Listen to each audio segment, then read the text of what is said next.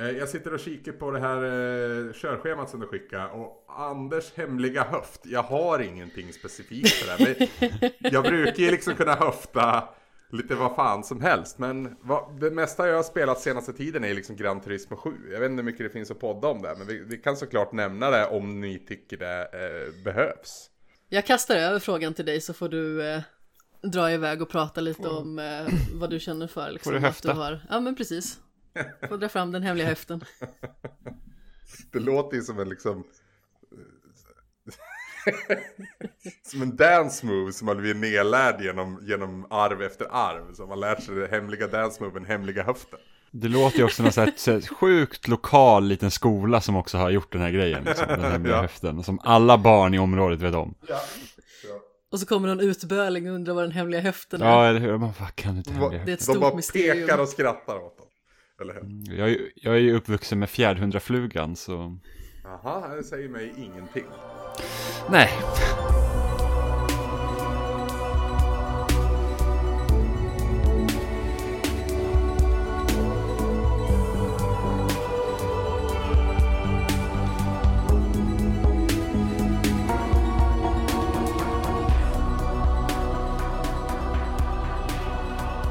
Tänker att eh, jag ska väl försöka dra igång. Det var ju alltså i flera års tid som jag hade så enorma problem med just att komma igång. Det blev liksom ett- ett stående skämt på, på Svampriket och vi som gjorde Svamppodd att så här. Åh nej, nu ska Anders inleda en podd igen. För det, det, det är liksom de första orden, jag var så sjukt stel, hur jag än gjorde, hur jag än... Så till slut så började jag bara liksom ta det från mitt i en mening och så bara kör vi.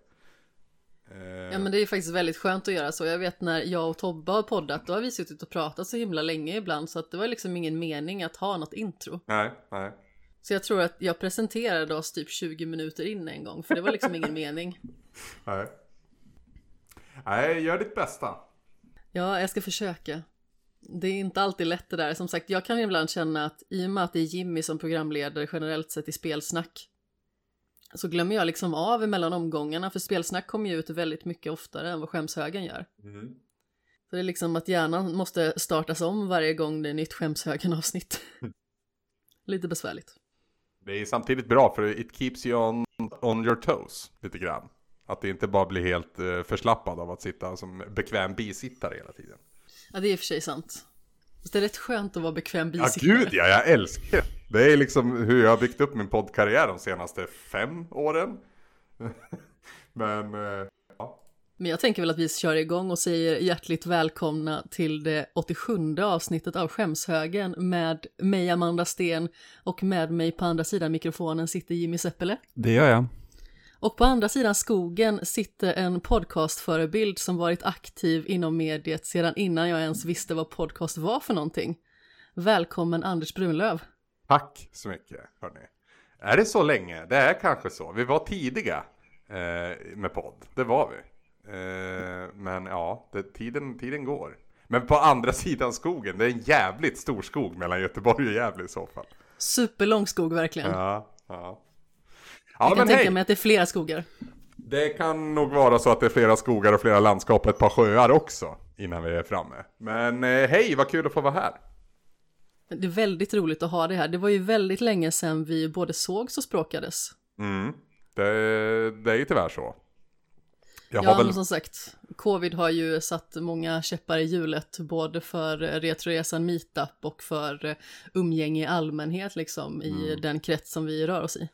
Det är väl oftast då vi, vi råkar på varandra. Vi, vi liksom har ju det som andningshål under året i alla fall. Att eh, minst en meetup, oftast två, eh, under året så, så får vi ses. För annars, som sagt, vi bor rätt långt ifrån varandra nu för tiden. Ja, men precis. Stående möte två gånger om året. Precis. Men innan var det ju lite mer frekvent när du bodde i Borås och det var Mm. lite Boråsfester och lite umgänge i Göteborg och sådant. Mm. Jag var nästan så att jag umgicks mer med folk i Göteborg än i Borås. Det är inte riktigt sant för jag hade ju Tobias framförallt i, i, i Borås. Men jag, jag var väldigt, väldigt mycket i Göteborg under den tiden. För, inte minst de sista åren där. Så, ja. Det, jag, gillar, jag gillar Göteborg, det är en väldigt härlig stad tycker jag. Alltid. Ja, det är väldigt mysigt faktiskt. Mm. Det är väldigt trevligt på det sättet att det är ju en storstad, alltså i svenska mått mätt, som ändå känns ganska så gemytlig. Mm. Men hur står det till Anders? Är allting väl? Allting är väl igen numera. Jag hade ju covid här igen för ett, mm, två veckor sedan, tror jag det blir. Igen? Eh, ja, det var min andra eh, sväng nu. Betydligt mildare ska sägas, med tre doser vaccin i kroppen. Så det var ju mer en utdragen förkylning nu än första gången. Det var liksom inte de här feberdrömmarna eller tappa smak eller någonting sånt som jag gjorde första svängen. Utan nu var det mer, ja, lite förkyld, lite febrig och li- hostan sitter väl kvar fortfarande eh, emellanåt. Men annars är det bra. Ja, men precis. Vi har ju haft en eh, makalös tur som inte har råkat på det här, någon av oss. Ja, vad vi vet i alla fall. Ja, vad vi vet. Om man inte har haft det liksom utan att ha haft några symptom, men det ska jag inte tro. Ja, men det, Nej, jag, men exakt. Jag, jag ska inte ta för er, men jag tror det är väldigt vanligt att man har haft det utan att veta om det. Det tror jag liksom eh, av sjukdomens art så tror jag det liksom bara kommer vara så. Men det är väl ingenting jag rekommenderar kan jag ju säga. Det, det, det är ganska sugigt. Eh, ja. Fortsätter vara lyckligt ovetande. men precis. Precis. Annars är det bra. Jag har kortvecka den här veckan då för att vi ska ju på meetup nu den här veckan. Eh, Säkert förra veckan, jag vet inte när den här podden ska ut. Men eh, vi ska snart på meetup där vi sitter just nu i alla fall. Jag vet inte om du ska dit Amanda? Ja, absolut. Jag ska Ja, dit. ja, precis. För första gången på två år, så det känns väldigt märkligt. Ja, precis. Ja, det, för det var ju varit liksom, vi har ju haft meetup, det är väl en meetup som har utgått och det var en winter meetup. Um, ja, precis. I fjol. Win, ja, precis. Winter meetup 2021 blev inställt för att det var inte, året innan 2020 då, då tror jag vi hade i alla fall ett fall av covid på plats, men vid det läget så fanns det inget, fanns det absolut inget vaccin, men det var inte heller liksom om det blir sjuk så gör det så här. Det, var, det hade liksom inte kommit till Sverige riktigt än, men det hade ju gjort det. Men inte till den allmänna, ja men till landet som stort liksom. Nej men precis, det var ju framförallt ungefär en månad senare som det verkligen bröt lös ordentligt. Mm. Jag kommer ihåg att jag var ju iväg i London när det bröt lös. Och så fick jag ett meddelande av min kompis att SAS skulle varsla en himla massa anställda och då satt jag på flygplatsen. Så då Ja. blev man ju väldigt nervös. Oh ja. Och så kommer man liksom hem och så är det typ slut på allting som man behöver. Jag hade precis flyttat och jag hade en dasspappersrulle liksom. Så då Det kände är jag mig så inte helt jävla nöjd. märkligt också att det svenskarna liksom såg som absolut viktigast att bunkra upp på, det var skithuspapper. Det var liksom, så länge vi kanske torkar oss i arslet så är det lugnt, var liksom den allmänna känslan. Ja, men alltså det är så himla besynnerligt för att det går ju faktiskt att göra någonting åt men har man liksom inte föda och den typen av förnödenheter då ligger man ju mer brun till om man säger så. Ja, ja, precis. Men nej, det var, det var toapapper vi bunkrade mest. Ja, det Men var väldigt blir- besynnerliga tider. Det blir väl enkelt också en, en, en kedjereaktion att börjar folk se att någonting håller på att ta slut, då blir ju de som galna. Så då köper man ju på sig alldeles överdrivet mycket till följd av det och så blir det en väldigt ond och snabb spiral av det där. Ja, men precis. Sen är det ju så med det mänskliga beteendet att man följer ju oftast det som andra gör. Mm. Och det blir liksom någon form av outtalad sanning. Så är det dasspapper man ska köpa, då tar det ju slut fort. Och sen Ja. Alvedon vet jag också försvann superfort. Och när jag kom hem från London så märkte jag att pollen hade kommit igång. Fanns inte någon allergimedicin på hela hyllan. Nej. Nej, och sen var det väl, eh, det kanske bara var några veckor där det är, eh, ja men läkarsprit eller liksom, ja rengöringssprit var total bristvara. Men sen gick ju, eh, ja men sprittillverkare, vi ska inte nämna några namn, men de gick in och hjälpte till där. Så jag tror man rädd, rädd, rädd, rätade upp den skutan rätt så snabbt faktiskt. Ja, men exakt. Men det var ju verkligen helt bisarrt hur svårt det var att få tag på vissa saker och hur snabbt det gick liksom för samhället att bara slås på ända egentligen.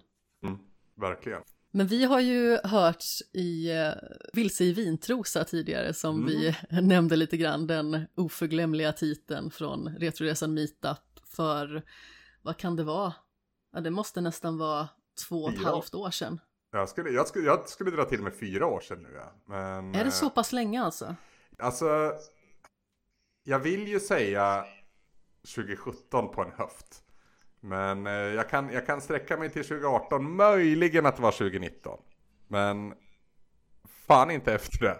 Eh, så, ja, det, det är ett tag sedan. Det är ett tag sedan. Ja men precis, jag tror att det är sommar-meetupen 2019. För jag vill Mm. minnas att det var i det absoluta slutskedet av 2018 som den här lilla podden föddes. Okej. Mm. Ja. Då, då, då får du den av mig. Ja men vad härligt. Mm. Men alltså chansen är ju inte jättestor att man har hört den här podcasten innan man har hört dig Anders. Men om det skulle vara någon liten färsking där ute som eh, inte har stött på dig tidigare, kan du inte bara berätta lite om dig själv? det är mycket enklare när andra gör det. Men eh, ja, alltså jag antar att min främsta claim to någon typ av fame är en podd som hette Retroresan. Som gjorde först väldigt intensivt under tre år och sen väldigt ointensivt under några år också. Men eh, i regel gjorde vi väl fyra säsonger kan man säga. Eh, jag och min eh, poddvapendragare Samson Wiklund gjorde den här podden. Där vi gick det började egentligen som en blogg, men det blev en podd där vi gick tillbaka och spelade gamla spel och försökte liksom se hur de höll idag med, med nya ögon så att säga. Och den här podden fick ju mycket tror jag för att vi var inne på det här, att den var så pass tidig. När vi liksom jag visste inte vad en podcast riktigt var när vi började göra den. Om jag ska vara riktigt ärlig. Jag hade i alla fall inte lyssnat på en podcast. Eller, det är inte riktigt sant. Jag hade ju medverkat i Samsons podd där. Men det, jag var liksom ingen reguljär poddlyssnare. Eh, så. Utan jag, när jag skulle lyssna på någon, någon podd så, då, då gick jag till webbsidan och spelade i webbläsaren på datorn. Liksom. Jag hade ingen poddspelare, för jag hade nog ingen smartphone vid det här laget. Så det är, det är några år sedan. Vi, vi startade 2009 om jag minns rätt. Eh, Då, då är man tidig. Det får man väl säga ändå. Det måste ju nästan varit i typ samband med spelradion. Spelradion fanns. Jag vet att vi Ja, hade s- samarbete med dem. Och jag vet att jag gästade dem också innan det här tror jag. Men eh, det, de var inte så långt före oss. Eller vänta, spelradion. Ja, precis. Med, Johan Hallstan och precis. Ljud-Christian.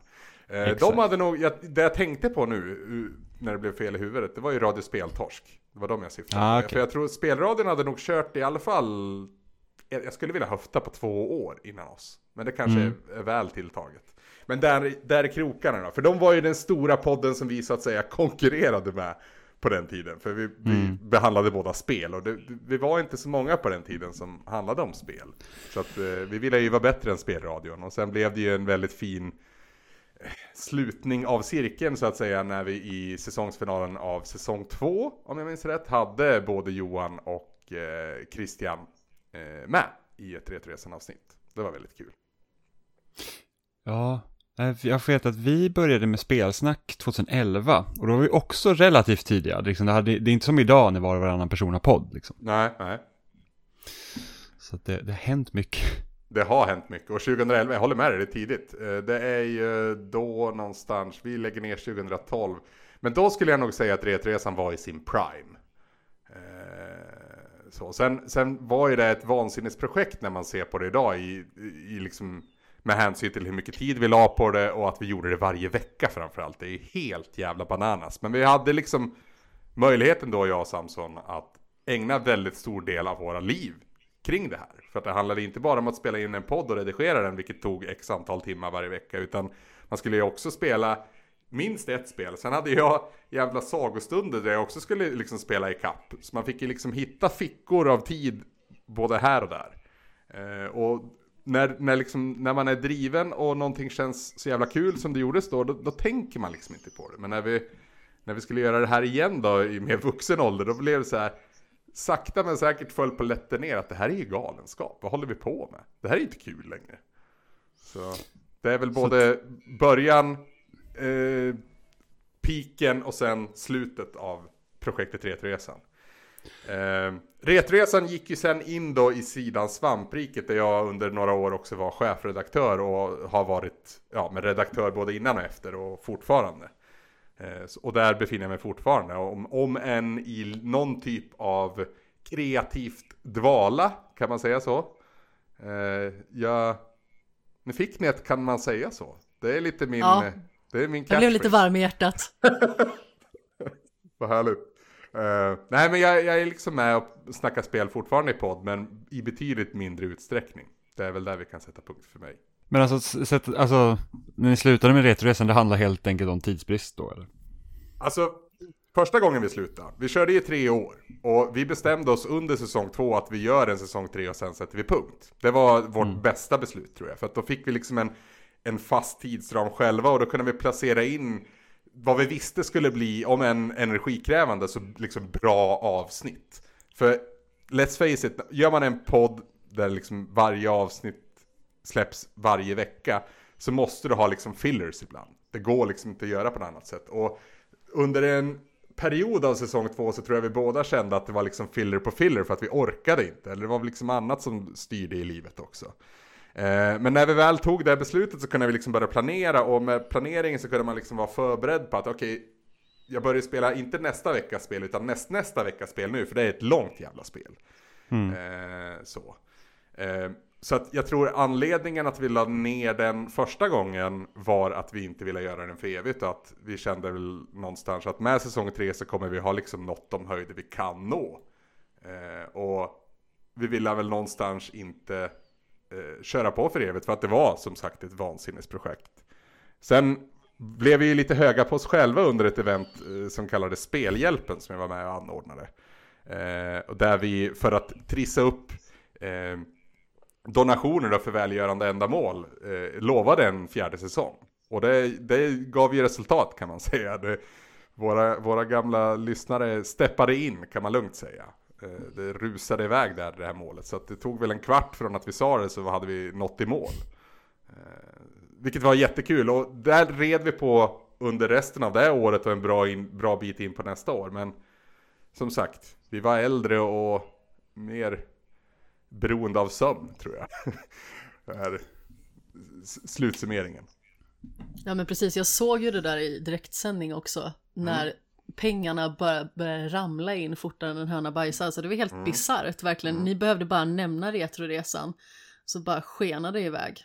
Mm. Vi hade ju lagt ut lite små så här eh, teases om det. Men själva beslutet att eh, lova en fjärde säsong. Det togs alltså tio minuter innan vi, liksom gick live i vårat segment. Så att det var, det var liksom inte klart eh, förrän in på liksom sista minuten där.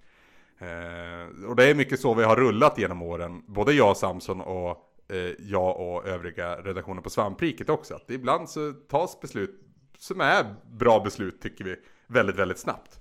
Och ibland får man ju liksom också stå sitt kast då när, när man kanske har lovat för mycket. Men jag, jag vet inte, ser man till ser man till liksom hela säsong 4, jag, jag, sitter ofta i podd eller i andra sammanhang och klankar ner på den. Men ser man till mängden timmar som vi ändå fick ut under de här eh, spridda skurarna så, så blev det nog en fjärde säsong ändå. Och det får man väl vara nöjd med ändå antar jag. Men jag, jag sitter och är lite besviken på mig själv för att egentligen så var Retresan vackert som det var med de där tre säsongerna. Det var liksom varför skulle vi in och kladda för? Vi hade kunnat lova något annat, men Captain Hindsight och jag, vi är bästa vänner tydligen. Det, det, det är som det är nu liksom. Om vi tar liksom Retroresans avslutning så är det något i poddväg av, alltså något av det bästa jag har hört. För det du var verkligen på... superstarkt, den episka finalen. Ja, precis, den 2012 eh, där ifrån eh, P3 Studio i Stockholm. Ja, det, det, var, det var vi nöjd med. Eh, det var ju ett halvt dygn podd där. Så vi klämde in. Eller var det ett halvt dygn? Men tio timmar i alla fall tror jag det var. Och det blev ju, det blev ju väldigt mycket rygg, ruggdunkeri och liksom runkande över hur bra vi var och sådär. Men vi hade bra med gäster, vi hade liksom ett snyggt uppstyckat schema med liksom variation och de timmarna bara flög förbi. Och så fick jag dricka Jäger dessutom. Det var ju det bästa jag visste på den tiden. Ja, ja men exakt. Den klassiska Jäger och Red Bull kanske till och med. Mm, mm. Jag har uppgraderat den lite faktiskt genom åren. Jag har inte oj, gått oj, ut med den här offentligt. Men ska du få exklusiviteten kanske Amanda och Jimmy? För, äh, men den är, den, alltså en, en Jäger Red Bull är jävligt gott fortfarande. Det händer att jag kan liksom smygbeställa en sån på krogen fortfarande. Men jag kan inte sitta och dricka det hela kvällen längre som jag kunde förr. Dels eh, är ju energidryck inte bra för din kropp. Och inte heller en jävla likör som Jägermeister faktiskt är. Men, men det är någonting med den här liksom bittra beska som kommer från jägen med det liksom syrliga och, och friska från en, energidryck egentligen. Det, det, de, de rimmar väl, men det blir ju väldigt sött. Så min, min lösning senare tid har ju varit att halvera mängden Red Bull och ersätta det med typ en tonic av något slag. Som har ännu mer av den här äh, lite torra och, och ja men beska egentligen. Eh, och så gärna lite lime limejuice också för att få upp friskheten ännu mer. Då, då blir den riktigt fin ska du veta. Då har vi Anders supergrogg här. Ja, Jäger, Jägergroggen 2.0 eller 2.5 kanske. Ja, det gick ju från att vara någon så här fulblandning till något så här lite mer exklusivt. så Jäger och Red Bull så här var i brist på annat och sen så bara, ja ah, men måste nog steppa upp lite. Jag tycker den här limejuicen var ju liksom verkligen så här pricken på it. Ja men lime, lime vill jag ha i nästan alla drinkar. Jag är, alltså, det är jätteviktigt tycker jag. Och det, det folk ofta gör fel när de blandar drink, liksom, ja, men rent allmänt och till mig, det är att man fegar med limejuicen och tar för lite. Alltså, min tumregel och vad jag, vad jag, kan utläsa från i alla fall recept jag har läst är att man ska ungefär tänka hälften av spritmängden i ren limejuice. Så har du en 3 centiliters vodka, vodka-drink i alla fall, då ska du i alla fall ha en, en och en halv centiliter limejuice för att liksom balansera det. Sen beror det ju på vad du blandar såklart, om friskhet ska in där ens. Men jag är väldigt, väldigt förtjust i limejuice. Det blir ju en oförneklig fräschör i alla fall. Ja, det blir ju det. Och eh, ja, men under, under sommaren 2020 när jag fortfarande inte hade haft covid så brukade jag för då hade jag precis flyttat till lägenheten jag bor i nu och vi hade en fantastisk period där vi satt ute på balkongen i stort sett varje kväll och jag drack väldigt, väldigt mycket gin och tonic då. Och skämtade om att det är liksom, ja men på samma sätt som man via gin och tonic höll sig undan malaria så höll jag mig undan covid på det sättet. Tyckte jag var roligt så ja, skrattade åt sådär. Ehm, men då har jag liksom, under den perioden så vet jag också att jag började liksom så slipa lite grejer. Så istället för att köpa den här färdigpressade limejuicen så köper man riktiga lime och en sån här, ja men elbow, eh, någonting elbow heter den. Den typen av press. Eh, så man, färskpressad limejuice är ju, det, det, det, gör skillnad alltså. Även om det är lite bökigare. Kom du liksom till någon form av peak där på din drink då? Du gjorde den liksom bättre och bättre. Ja, Hur lång tid tog det att skapa den perfekta drinken? Nej men det är ju väldigt tacksamt att jobba med tonic idag. För det finns så jäkla mycket olika mikrobryggerier, eller bryggerier är det inte heller. Men både sett till gin och till tonic så finns det ju oändligt mycket mer valmöjligheter idag än vad det gjorde för bara några år sedan. Eh, det har ju blivit väldigt mycket eh, ja, men lokala producenter och, och ju mindre och konstigare flaskan är, ser ut, desto bättre oftast. För du kan hitta riktigt eh, balla tonics framförallt. Eh, och samma sak med gin också såklart. Men men jag tycker om att ha en liksom basgin som jag vet hur den smakar. Jag gillar liksom, eh, ja men, eh, de bästa, eller de flesta, men jag gillar min Gibson väldigt mycket. Eh, jag tycker den är liksom en bra basgin. Det har varit väldigt mycket fokus på sprit här. Jag det var inte meningen. Ja, han börjar kännas lite rund under fötterna. jag har ju liksom smakpalett som ett litet barn egentligen, så att jag föredrar ju att dricka läsk egentligen. Ja. Eller Red Bull, bara som det är. Ja. Men jag, jag, vet inte, jag har aldrig kommit in i det här liksom eh, som många andra gör, att de uppskattar vin och drinkar och öl och sådär. Jag hade en period där jag försökte testa lite suröl, men jag tröttnade liksom. Ja, alltså jag också, jag är, jag är, jag ska inte säga att jag är känd för det, men, men folk brukar höja på ögonbrynen av att jag inte dricker öl. I, I, regel. Någon suröl kan jag dricka absolut, för det är liksom, det är gott tycker jag. Men det är någonting med liksom den klassiska ölsmaken som jag inte riktigt har kommit överens om. Och man kan prata om att, ja visst det är bäskan och sådär, men jag gillar ju andra bäska saker. Så jag vet inte, det har liksom inte blivit av. Men just drinkar har jag alltid gillat. Och liksom hantverket som kan komma av att få till en bra drink också är någonting jag är väldigt förtjust i. Jag gillar ju också att laga mat och det är, det är lite samma experimenterande och vägande och liksom ögonmåttande som det handlar om i slutändan. Eh, så. Men jag vet inte om jag, det var, det var liksom, sommaren 2020 var ju min GT-sommar. Eh, så jag, jag, tror efter den sommaren så kan jag slå en riktigt bra GT. Men jag har liksom inga, inga så här do's and don'ts. Nej men precis. Men det krävs ju lite finess att göra en bra drink, precis som att det krävs finess att göra en riktigt bra maträtt. Mm. Alltså man kan ju råka flöjta in en bra maträtt någon gång, men har man liksom inte kanske koll på vilka smaker som eh, passar bra ihop eller vad som kanske kan ta ner hetta om man skulle behöva det eller vad som kan förhöja andra smaker. Alltså då blir det ju svårt att liksom leverera gång på gång. Ja. ja. Det har ju varit ett stående problem. För jag, alltså, det beror ju på vad man lagar. Men säg att jag lagar en köttfärssås liksom. Så är det ju aldrig att man följer något recept. Utan man, man, man går på det man har hemma. Och många gånger, framförallt tidigt i min och Emelies relation. Så ville hon liksom, vad har du gjort? Kan du inte göra det som du gjorde förra gången? Alltså jag vet inte vad jag gjorde förra gången. För det, det, det var återigen från höften och så smakar man och anpassar därefter. Det är det, är det där också. Det är superviktigt att smaka på sina grejer. Jag kan inte förstå folk. Emil är en av dem som inte kan smaka på mat förrän den är färdig. Hur lever man ens då?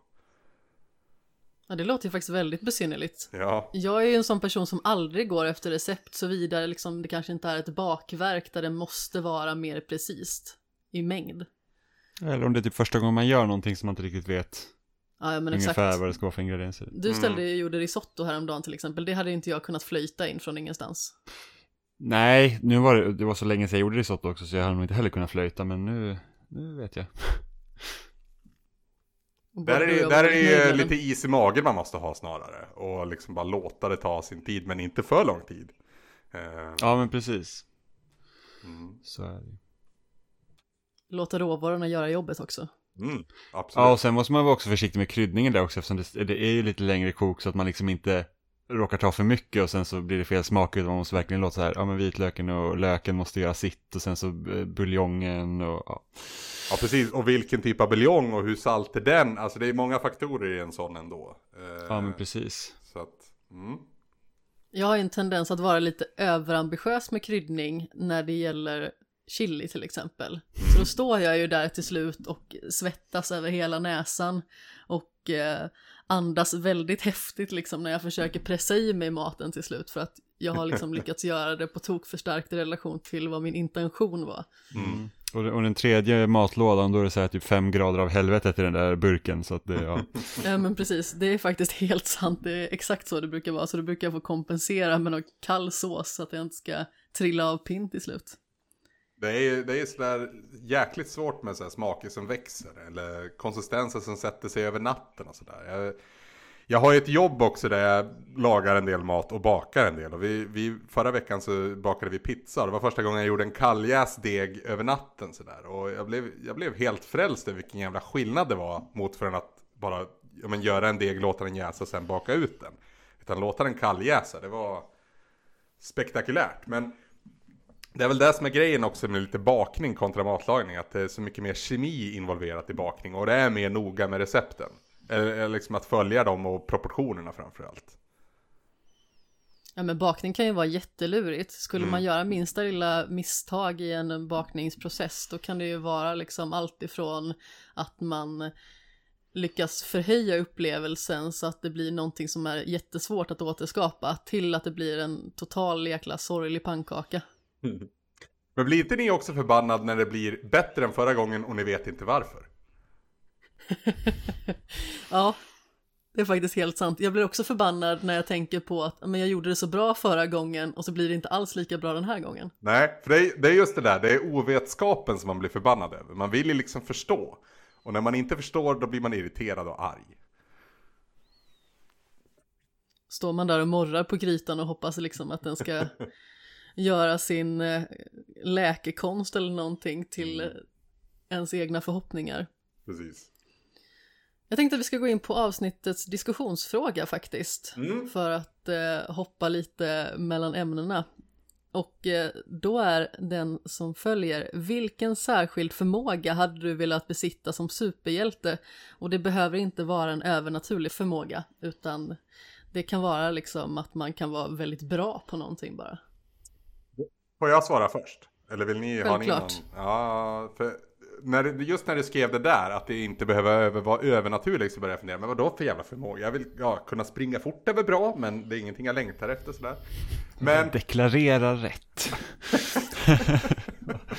Nej men fotografiskt minne vore väl jävligt praktiskt att ha. Vore det inte? Och det känns som att liksom så här, genom historien så har det funnits några sådana här riktigt det har väl säkert funnits mördare och, och våldtäktsmän också med fotografiskt minne. Men det känns som att många av historiens liksom eh, Ja men greatest har haft fotografiskt minne eller vad man misstänker är fotografiskt minne. Så det får väl vara min som jag liksom direkt skjuter. Annars vill man ju ha en, om vi pratar övernaturliga då, så vill man ju ha en förmåga som man ändå kan vara ganska stealth med. Alltså att man kan smyga med så att det inte är uppenbart. Jag menar, att bli The Thing från Fantastic Four är inte skitkul. Eh, framförallt i och med att han inte kan förvandla sig tillbaka utan han är en stor stenhög. Liksom. Det, det, det kan inte vara skitkul. Um, så kanske, jag tänkte först tankeläsning, men jag vet inte om jag vill det. För att jag vet ju hur jag kan tänka om folk när jag liksom agerar trevligt och snällt och artigt sådär. Så kan jag tänka någonting helt annat. Och skulle man kunna höra vad någon annan tänker så skulle man nog också bli ganska traumatiserad förr eller senare av det. För jag, tror människan... ja, jag tror att man hade drivit sig själv till bristningsgränsen faktiskt. Ja, gud, ja. Att hela tiden höra vad alla tänker oavsett liksom om det är någonting som är rent av otrevligt eller som, saker som man absolut inte vill höra för att folk tänker så himla mycket konstiga saker hela tiden mm. och det kan vara sånt som inte är menat att tänka sig överhuvudtaget eller bara bizarra saker som dyker upp från ingenstans. Absolut. Och jag menar, det är en viktig funktion då om man i så fall kan sortera ut eller liksom få bort bruset så att säga. Så man kan zona in och välja att den här ska jag läsa tankarna på just nu i den här faktiska stunden. Då, absolut, det vore coolt. Men, eh, men om det är konstant hela tiden att det bara kommer till dig, då, då nej, då, då passar jag. Så, ja, jag, jag vill ju på ett sätt kunna manipulera tid. Bara för att kunna Dels kunna gå tillbaka och det är liksom en sån här grej jag kan sitta och dagdrömma om.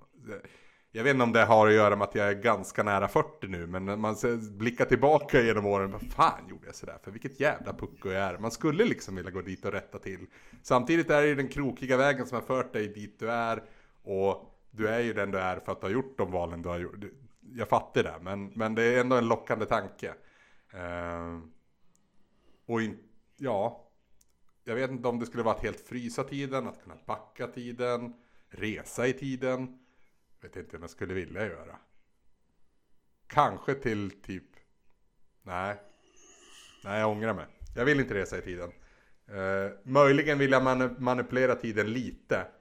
Men jag tror fotografiskt minne blir mitt enskilda svar ändå. Ja, men just det där med tiden som du nämnde, det är ju väldigt intressant för att man tänker ju liksom på många situationer och man kan sitta och kontemplera evigheter på interaktioner som man har haft till exempel, mm. som man tycker att man har hanterat illa eller att man kanske har gjort någonting som man tänker att alla andra har uppfattat som jättekonstigt och sådär. Mm. Men ofta så är det ju bara i ens eget huvud det är ofta som de här grejerna inte ens uppfattas av omgivningen utan det blir liksom att man går utanför sin egen kropp och ser sig själv utifrån och ser den här pinsamheten som man bara liksom utstrålar. Men ofta så är det liksom att kanske en på tio har ens noterat att någonting har skett. Precis, precis. Men jag gillar det där med att frysa tiden också. Ibland så känner jag bara sådär att om jag har jättemycket tidspress på mig, vilket jag väldigt sällan har, men jag är inte jättefantastisk på att hantera stress. Känner jag liksom bara, jag hade velat pausa tiden nu, göra min grej, så kan alla andra vara stilla, så kan jag få vara lite i fred. Mm. Ja, men vad hette det, eh, Life is Strange, hon kunde väl så här, ta sovmorgon för att hon kunde spola tillbaka tiden sen. Eh, den känns ju ändå ganska praktisk. Men sen fanns det någon jäkla svans på det där också som inte var så bra. Alltså nu pratar jag första Life is Strange. För mm. Eh, det här True Colors som kom, ja i fjol var det väl va? Det, det var ju snarare tankeläsning. Eller inte ens det heller utan snarare Jo, hon läste väl tankar men hon kände ju, kunde ju också liksom ärva känslor och sådär. Så det var ju ett större spektra där. Kan en extrem det... empatisk förmåga skulle man ja, kunna säga. Ja, men precis, precis. Ja, det var verkligen ett eh, spel som överraskade mig enormt och eh, faktiskt slog omkull mig lite grann Jag har inte här. riktigt vara kompis med Life is Strange tidigare, men här vänder det verkligen. Ja, jag var, jag var ombord i, i första Life is Strange också. Jag tyckte det var, det var bra fram till sista episoden. Det, där föll allt för mig. Det var både dumt på ett, ja men hur det var skrivet, men för, även liksom spelmekaniskt så fanns det, ja, mm, det, det, nej, det var en riktigt jävla sur avslutning på det. här. Och det, det färgade mig såklart också inför då eh, True Colors. Men eh, jag blev övertygad av mina kollegor och det är jag glad för idag. För att eh, det var en, lite av en sleeper hit skulle jag vilja påstå.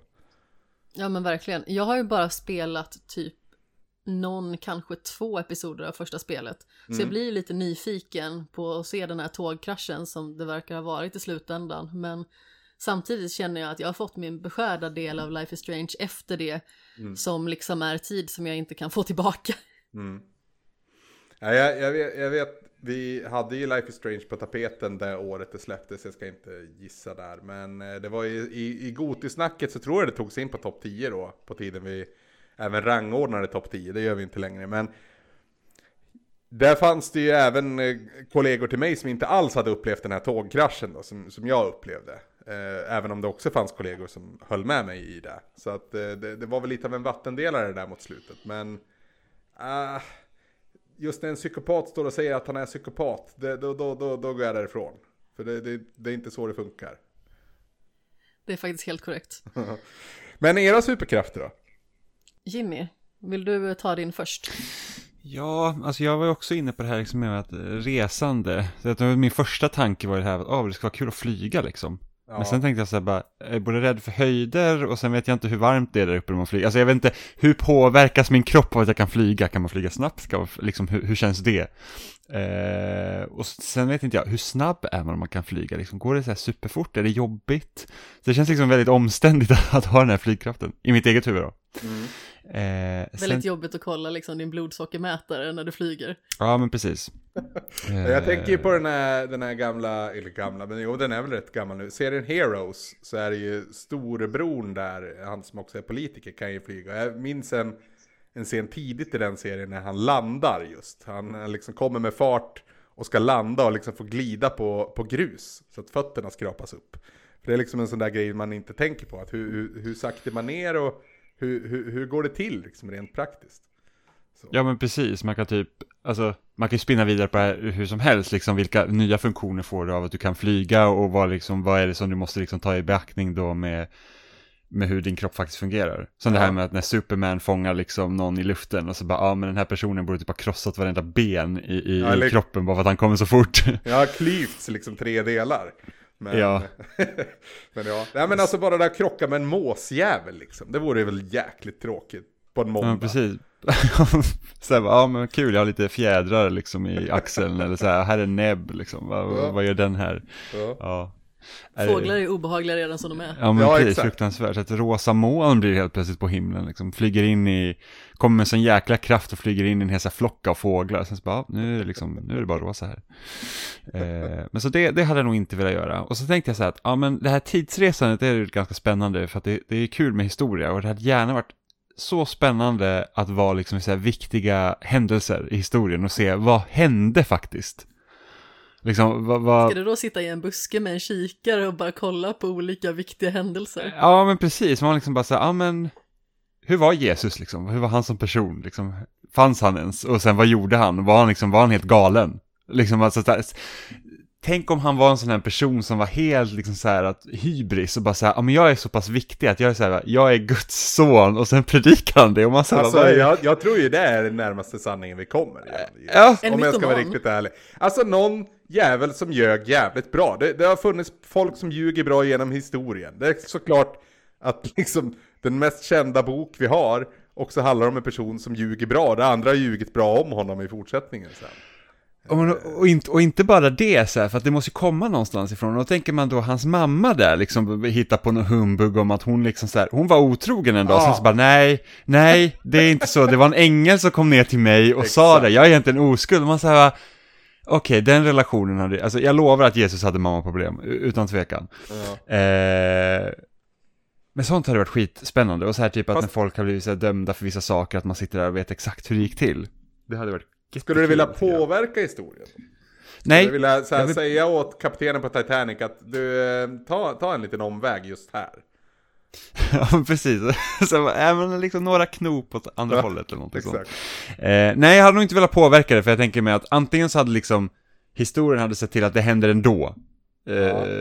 Liksom att oavsett vad jag gör så kan jag inte påverka för det har liksom redan hänt. Och då, då kommer jag komma in i det här att om jag då kan resa i tiden och vara där så har det alltid hänt på det sättet. Jag har alltid varit där förutom att ja, Ja, man precis. inte vet om paradoxen där. Och, ja, Precis, E- eller så är det bara så att man kan liksom inte påverka någonting, det blir som typ en, en film. Man bara poppar popcorn och så tittar man eller någonting sånt. Jag vet inte. Eh, så det hade varit kul. Eh, och sen Men- liksom, Det, det, det folk sällan pratar om när de vill resa framförallt bakåt i tiden är att Tänk att man reser till typ 1200-tal. Förstå vilken jävla stank det lär vara jämfört med dagens samhälle. Eller i och för sig, det är saker som luktar idag också men inte människor på samma sätt tror jag. Alltså det finns ju ett tydligt bryt både i Sverige och i övriga världen liksom där, där hygien börjar bli en, en viktig grej. Och att, pass, att passera den gränsen tror jag skulle vara brutalt för någon eh, som reser i tiden man får ta jävligt mycket bomull och så får man proppa i näsan eller någonting sånt. Ja, ja, precis. Eller passa på när du är covid-sjuk och inte har någon lukt. eller hur? Eller så här, man, man packar med sig lite här deodorant och bara här, kolla vad ni har. Sätter fast ett litet fiskespö med en Wunderbaum precis Ja, ja, men precis. Och en liten minifläkt som man kan fläkta liksom den här doften på den. Typ. Eh, men jag tror nog att jag hade nog valt teleportering. Ja, just det. Bara så att kunna resa vad man vill, när man vill, hur man vill. Och bara så här, tup, nu är jag där. Och sen så bara, ja, nu vill jag hit och så bara, zoom, och så åker man dit. Den tanken har jag tänkt väldigt många gånger när jag var lite i den fasen att jag tyckte att det var jobbigt att gå till olika ställen. Men alltså jag kände mig så himla bekväm ett tag med att ta bilen. Jag tänkte bara, gud vad skönt det hade varit att bara teleportera sig till Maxi. Så kan jag göra liksom min inhandling här, fixa det och sen teleportera mig hem med mina varor. Gud vad smidigt det hade varit. Eh, Men nu har jag liksom blivit en sån person som har börjat gå typ överallt och väldigt sällan ta bilen för att jag tycker det är så mysigt att promenera och lyssna på bok och lyssna på podcast eller vad det nu kan vara. Mm. Så jag har liksom släppt den tanken lite granna. Men min superförmåga hade nog varit att kunna hantera och lagra omänskliga mängder information. Ah, lite som en databank då. Ja, men precis. Som kanske kan vara nödvändiga i problemlösning, hemliga operationer, nödsituationer eller sådär. Att man väldigt snabbt kan plocka upp en tanke när det behövs. Om det är liksom någonting som verkligen behövs i stunden. Och sen kanske ingen kan värpa fram det. Men man är så himla snabb på att hantera informationen som liksom finns i ens hjärna. Så att man liksom bara kan lösa det och kanske förhindra olika typer av katastrofer från att hända eller alltså bara vardagliga saker som eh, kan underlättas på det viset. Det är intressant då om man liksom sätter en, en liten svans på hela det här argumentet och säger liksom bihanget som kommer av det. Det, det, det någonstans vill man ju ändå ha balans i saker och ting. Om jag ska ha fotografiskt minne, det, det, liksom baksidan av det säger sig själv. För att det kommer finnas grejer som jag inte vill se igen, som jag alltid kommer kunna se igen bara jag tänker på det. Det vill man ju inte. Men det är oundvikligt med ett fotografiskt minne. Eh, vi var inne på det när vi liksom, att flyga så här, att det är orimligt. Men, men vid teleportering, eh, då missar man ju liksom själva resan. Och det var ju någon som någon gång sa att liksom, målet är ingenting utan resan är allt. Va? Att liksom, det är ju grejer som händer under, under resans gång som, som ibland kan vara livsbejakande. Ja, definitivt. Det finns ju många resor man har gjort genom livet oavsett hur långa eller korta de har varit som man liksom tänker på i retrospekt och känner liksom att det tog mig verkligen hit där jag var idag. Mm.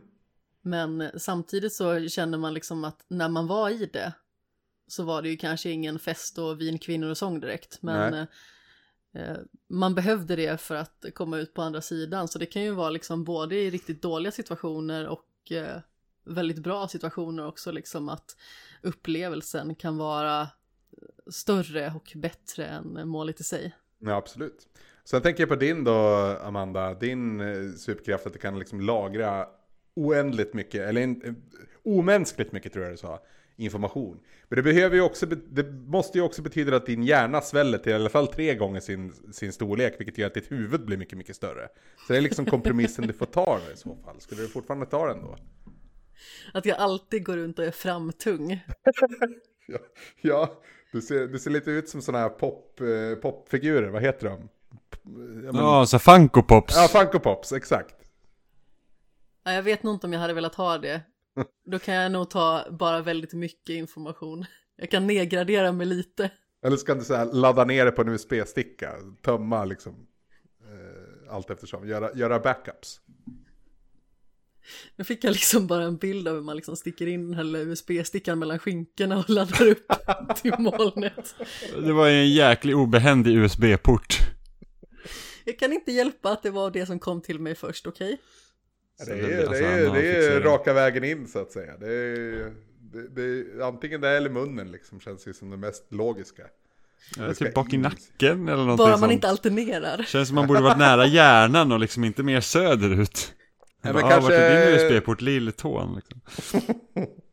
Ja, men det, man vet ju inte om det liksom lagras i hjärnan eller om det är, ja nu sa ju du i och för sig hjärnan, men det kan ju lika gärna vara liksom så här information som lagras i blodkroppar liksom. Jag vet inte hur det här skulle funka i realitet, men nu är vi ändå ute på ganska orealistiskt vatten. Så, mm. Men eh, det blir ju lätt att man går till stjärten. Jag håller med dig om det.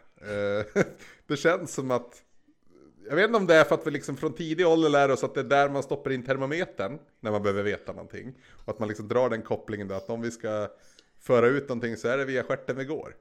Vi utvinner vår, vår viktiga information därifrån. Så jag har ju fan ingen minne av att jag har fått termometern uppkörd i röven. Så att det är liksom, Har du aldrig fått det Jimmy? det har jag förmodligen jo, men jag har inget minne av det. För så mig, traumatiserad så du har glömt. ja men precis, för mig är det ju liksom termometer i armhålan eller under tungan. Åh nej, vad händer nu? Men när är du född. Jimmy? 91. 91. Jag är ändå född 83, så jag har åtta år på dig. Och det, jag tror att generationen efter mig, det vill säga dig och övriga, kanske inte det var lika förekommande med en termometer i stjärten. Eller är det bara liksom glesbygden där jag växte upp. Så, för det fanns liksom inga örontermometrar då, när jag växte upp. Och visst, man kan använda, men skulle man ha liksom korrekt temp, då var det stjärten som gällde. Liksom. Och det var, det var bara att gilla läget. Fast armhålan? Nej, men jag, Eller under tungan? Nej, köper inte det. Eller rättare sagt så var det min mamma som inte köpte det. Jag tror hon inte gör det fortfarande. Jag tror, jag tror, Så, så, så, så din mamma fortsätter med rumptermometern? hon skulle Så fortsätta bara, "Åh, nu, 100 procent. 100 procent. nu är jag lite varm.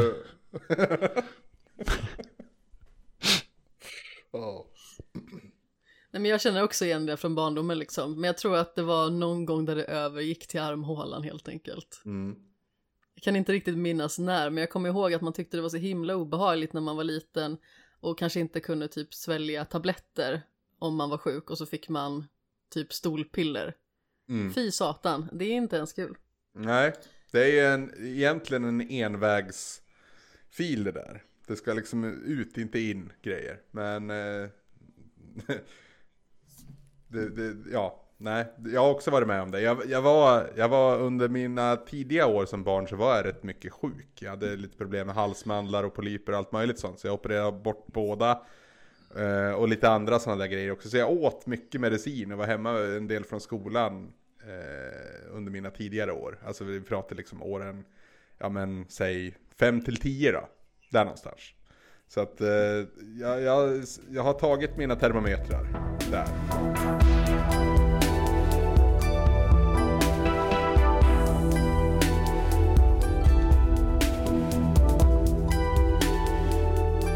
Jag tänker att vi ska försöka att eh, lämna rumpterritoriet och eh, byta del av kroppen. I körschemat har jag skrivit Anders hemliga höft. Ja. Men det var ju helt enkelt bara för att eh, jag skulle fråga dig vad du har haft för dig den senaste tiden och då sa du att du skulle höfta det och sen så kom vi fram till att det här är förmodligen en liten småstadsdans. Den hemliga höften. Ja, jag ska inte bjuda på någon dans nu. Nej, men alltså, du frågade mig förra veckan och lite så som jag är wired just nu så vet inte jag vad jag kommer tycka imorgon. Utan det är liksom dagsfärskt, mina tankar. Eh, ofta. Så det var väl lite, lite på den grunden. Men Jag vet inte om jag har något speciellt i den här hemliga höften. Det mesta jag har liksom spelat den senaste tiden är ju eh, Gran Turismo 7. Och det är ju, det handlar ju om att köra bilar fort och helst komma först i mål.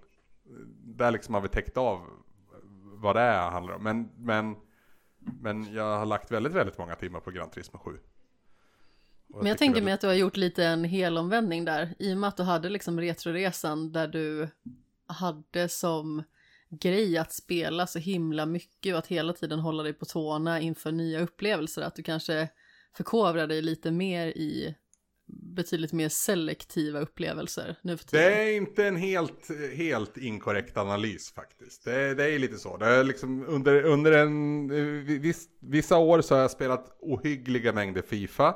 Eh, senaste åren så har jag spelat Hades till absurdum. Jag har liksom 300% att det jävla spelet nu, eller mer än det. Eh, Väldigt ofta jag går in på min eh, Playstation-app och så ser jag Anders som sitter och spelar Hades. Ja, ja det är det spelet bet tag i mig också. Jävlar. Det, och det, det, grejen var, nu, nu kommer jag snacka Hades även i den här podden och det är ett så stående skämt om att Anders alltid snackar Hades när han poddar nu. Jag är inte missnöjd med det. Ja, vad bra. Jag älskar Hades. Vad bra, vad bra. Nej men, ja, det, det släpptes ju på PC först, tror jag. Det var väl en, under en tid exklusivt för PC, men jag var ju liksom inte med på några early access-grejer eller så, utan jag spelade när liksom 1.0 hade, hade släppts. Och jag, jag gillade det jättemycket och jag klarade det till slut och kände mig liksom klar med spelet. Det var fantastiskt. Jag liksom såg eftertexterna, fick det liksom riktiga slutet och kände mig nöjd med det. Men sen släpptes det på PS5 och ja men jag kan väl, jag kan väl känna hur det känns. Och så sen så är jag en sån här som samlar troféer också och specifikt platina-troféer. Och gärna om det ja men Hades är ett jävligt härligt spel för att det, det är liksom roliga troféer att samla. Eh, så. Så att det, jag, det slutade med att jag tog Platinum på PS5. Och då kände jag att jag måste ju också ta alla troféer som finns på Steam. Så jag gick tillbaka till min PC Hades sen och spelade vidare där. Jag hade inte mycket kvar, jag hade liksom sett allting. Så att det var bara några få grejer som jag behövde fixa. Sen, det är ju här den riktiga galenskapen börjar. För upp till den här punkten är det ju, ja men, ja, spela ett spel två gånger. Men sen upptäckte jag att det är en annan trofélist för PS4-versionen av Hades. Så det, det slutade då med att Först började jag spela hemma hos brorsan på hans PS4, sen är jag liksom nere hos min vän Ivan och spelar på hans PS4. Men till slut så blir det att jag lånar en gammal PS4 av en kompis för att kunna ta en andra platina då i, i Hades. Men det är alltid farligt det där när, jag tror det gäller både film och spel, eh, säkert skivor också, men när liksom det är bättre andra gången. Då, då kan det ta riktig jävla fart. När, när en låt du har hört ett par gånger plötsligt blir bättre för att du hör den igen.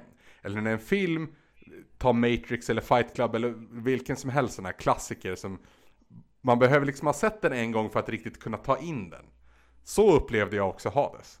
Eh, att liksom, jag, jag förstod liksom inte storheten eh, första gången. Jag, jag såg att det var jättesnyggt, jättebra musik och hur bra skrivet som helst. Men, men just det här att liksom kunna forma din, eh, din bild så att säga och, och vilka jävla bilds man kan få. Det var nog första andra svängen som jag riktigt eh, förstod det.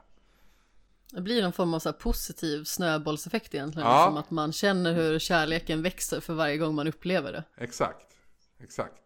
Och det, vissa spel har ju den här förmågan att följa med även när det har liksom stängt av. Och just med, med, med Hades, både i början när man liksom började fatta hur builds funkar och vad man kunde få dem till och sådär. Eh, men även liksom eh, längre fram så kunde jag liksom, jag kunde vakna på morgonen och tänka på Hades. Så här, undrar hur det vore om jag hade den bilden med den förmågan och det här vapnet. Det vore coolt, det, vore, det vill jag testa sen liksom. Och det, det, det är ett ganska gott betyg till ett spel. När, när det blir så. Ja men definitivt, och när den liksom känslan vandrar med en och att man liksom inte kan tänka på någonting annat nästan. Mm. Alltså det är ändå en väldigt trivsam känsla. Ja, Mm. liksom den här längtan. Jag tror att människor mår väldigt bra av den typen av längtan, liksom att se fram emot saker. Jag tror att det lyfter en igenom alltså ens vardagliga bestyr lite bättre, liksom att man har det här målet att men, när jag är klar med disken, då får jag äntligen sätta mig och spela den här grejen som jag jättegärna har velat testa eller vad det nu kan vara eller liksom att man sitter i sin vanliga zon liksom på jobbet och matar siffror och tänker när jag kommer hem då ska jag spela det här eller jag ska titta på den här serien eller vad det nu kan vara. Mm. Jag, jag undrar om, jag, jag sneglar på körschemat här återigen. Eh, och ni har ju en, en serie nämnd här. Vi ska komma in på det här ganska snart tror jag. Men den serien har jag ju bara sett en gång. Men den seriens föregångare har jag ju sett en andra gång. Och det klassar jag nog också som en sån här grej som bara blev bättre av att se det en gång till. Ja, så det tycker du. Ska vi hoppa över till serien eller har du någonting mer du vill dela med dig av Anders? Nej men alltså, Gran Turismo, du, du, du köper bilar, du trimmar dem, du kör fort, du vinner lopp, du får mer, mer pengar så du kan köpa mer bilar och köpa mer grejer och trimma bilar med och så kan du köpa fetare bilar och vinna fetare lopp och sen fortsätter det så. Så att det, det, det är så Gran Turismo har sett ut eh, för mig, på gott och ont. Men jag älskar det. Eh, men ja, jag älskar ju inte mikrotransaktionerna och det, det tydliga liksom upp, upptrampade spåret åt det hållet som finns i det här spelet. Tyvärr är det en riktig sån här, ja, en jävligt, jävligt stort störningsmoment. Men ja, man behöver ju inte. Eh, men det, det, framförallt med en jävla uppdatering som släpptes nu också så känns det som att de har, de har gjort grinden ännu jobbigare. För att liksom ännu mer göra det liksom lägligt att lägga in riktiga pengar. Men skit i det. Eh, ja, det är fortfarande frivilligt. Eh, så vi, jag, jag, jag, tycker vi kan, jag tycker vi kan hoppa över. För jag, jag är förtjust i båda de här serierna. Eh, de, de är ju liksom knutna till varandra oavsett om man vill eller inte. Så att det blir ju onekligen att man pratar om båda trots allt. Ja men precis, ja, men då lämnar vi den hemliga höften därhän och går vidare till Better Call Saul. Mm. Och då tänker jag Jimmy, kan inte du berätta vad serien handlar om? Saul är, vad ska man säga, det är en prequel egentligen till Breaking Bad. Mm. Eh, även om det liksom inte, vad vi har sett hittills i alla fall, är liksom så här att nu ska vi verkligen se hur Breaking Bad hände, utan det är mer så att vi har vissa karaktärer som har funnits i Breaking Bad och det är de vi följer i den här serien och då kretsar det då främst egentligen kring eh, Saul Goodman som också i den här serien till en början heter Jimmy McGill. Ja, det är det han eh, heter, alltså Saul Goodman precis, är ju, art är ju hans artistnamn. artistnamn. Men det är så vi har känt honom i Breaking Bad. Ja. Eh, för där får vi egentligen ingen alls information om vad han har gjort innan, förutom att han är liksom en skurkaktig advokat egentligen. Ja men precis, jag tror att man bara får nämnt det för sig liksom, att hans riktiga namn egentligen är James McGill. Får man gjort det i Breaking Bad? Det jag minns tror inte det. jag. Det, det kan, jag lovar att det hände säkert och så sa jag det till dig, åh det där visste jag inte och nu har jag redan glömt bort det. Så att, eh, ja. Eh, så att man får egentligen följa han, hans liksom, eh, hur han blir den han är egentligen i Breaking Bad och då dyker liksom också andra karaktärer från serien upp som eh, Mike och är Gus väl- Fring. Ja. Ja, det är, Mike är jag framförallt väldigt förtjust i. Jag älskade honom redan i, i Breaking Bad. Men eh, det, är ju så otroligt jävla snubbigt också att gilla gamla gubbar som är hårda. Men jag gör det. Jag kan liksom inte låta bli.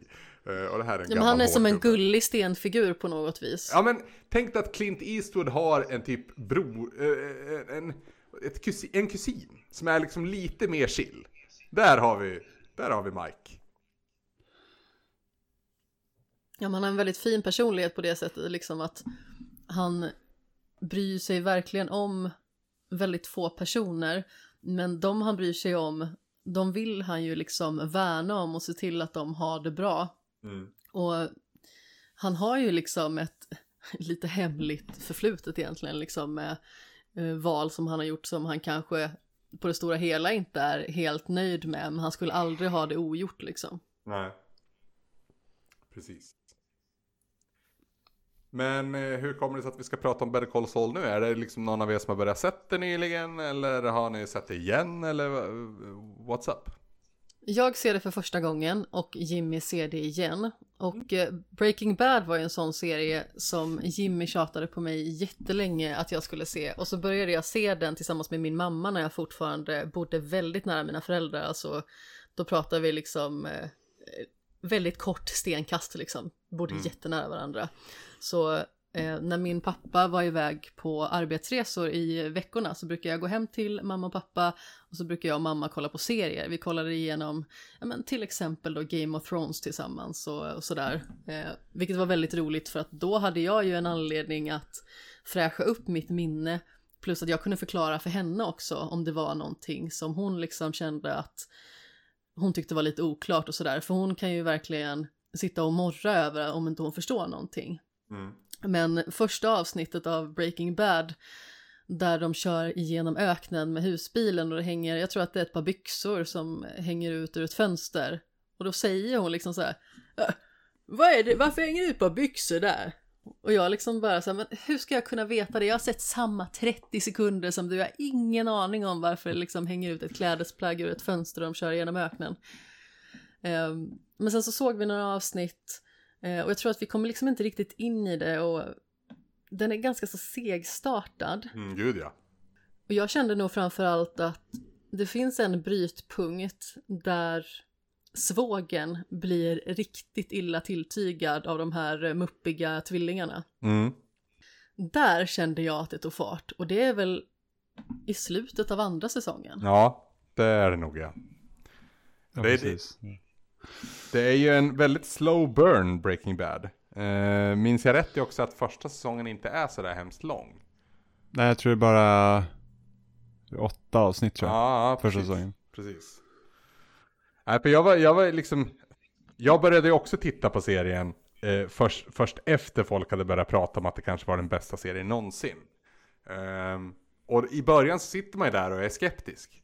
Men ju fler avsnitt man ser och när man ser liksom karaktärsutvecklingen de har, och liksom tiden de har lagt ner på att liksom verkligen skriva karaktärerna och göra dem trovärdiga är ju svårt att mäta men ändå de, är- de, är, de agerar som människor oftast gör. Eh, någonting som jag uppskattar. Eller liksom bara det här avsnittet med flugan. Tycker jag är ett jävla briljant avsnitt. Eh, sakta men säkert så fattade man ju hypen. Eller jag gjorde det i alla fall. Men jag har ju också stött på människor som inte gjorde det. Och eh, det, det måste väl också vara okej. Jag tror att jag står någonstans lite mitt emellan nu när det faktiskt är ett tag sedan som jag såg serien. Vi såg ju den i fjol, typ vinter, vår någonstans där. Mm. Och jag kände nog liksom då att den var bättre då än vad jag kanske känner att den är nu. Jag förstår ju liksom väldigt mycket varför karaktärer agerar som de gör. Men samtidigt kan jag ändå känna liksom att eh, vissa saker drog ut kanske lite för mycket på det. Och eh, jag vet inte, jag tror att jag känner mig kanske inte helt nöjd heller till fullo med eh, Brian Cranstons karaktärsutveckling. Eh, för att man förlorar ju liksom nästan all sympati för honom längs med vägen. Det känns ju till slut som att man bryr sig inte om honom utan det är ju liksom mer personerna runt omkring och visst, det har ju kanske också en effekt. Men när jag tänker tillbaka på serien så är nog det första jag tänker på liksom hur irriterad man kan bli på hans beteende.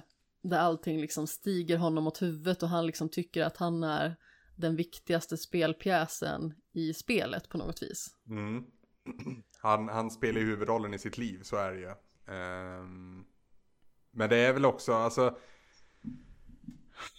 Jag ska inte säga emot dig nu, Amanda. Jag, jag, jag, i, I grund och botten så håller jag med, men, men liksom...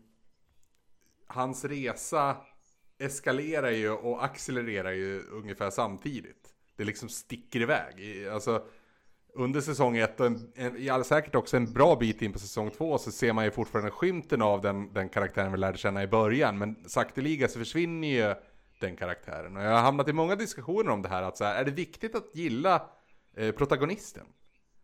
Eh, gillar man Bales American Psycho? Eller gillar man, du vet, dumma karaktärer som gör hemska saker. Men de är liksom fortfarande i huvudrollsrollen. Och därför följer berättelsen hen i, i första hand. Är det meningen Nej, att vi alltså ska jag- gilla alla våra protagonister liksom? Om man ens kan Nej, kalla, absolut inte. Om man ens kan kalla honom för en protagonist. Det är tveksamt redan där. Men Jag tycker definitivt inte att man behöver gilla alla karaktärer. alltså man kan ju i alla fall föredra att även om man inte uppskattar saker som karaktärer gör, att man förstår varför de gör det. Om vi tar det här exemplet till exempel så förstår man ju varför han är som han är. Han har fått spela andra fiol hela livet och sen Mm. helt plötsligt så är han mästare på någonting. Och då känner han liksom att nu har jag makten att eh, visa att det faktiskt är jag som är bäst, att det är jag som har varit bäst hela tiden och ingen förstår mig och ingen förstår min storhet. Nej. Och det stiger ju honom mot huvudet totalt. Den, den, den kraften gör ju också honom ganska berusad, ja.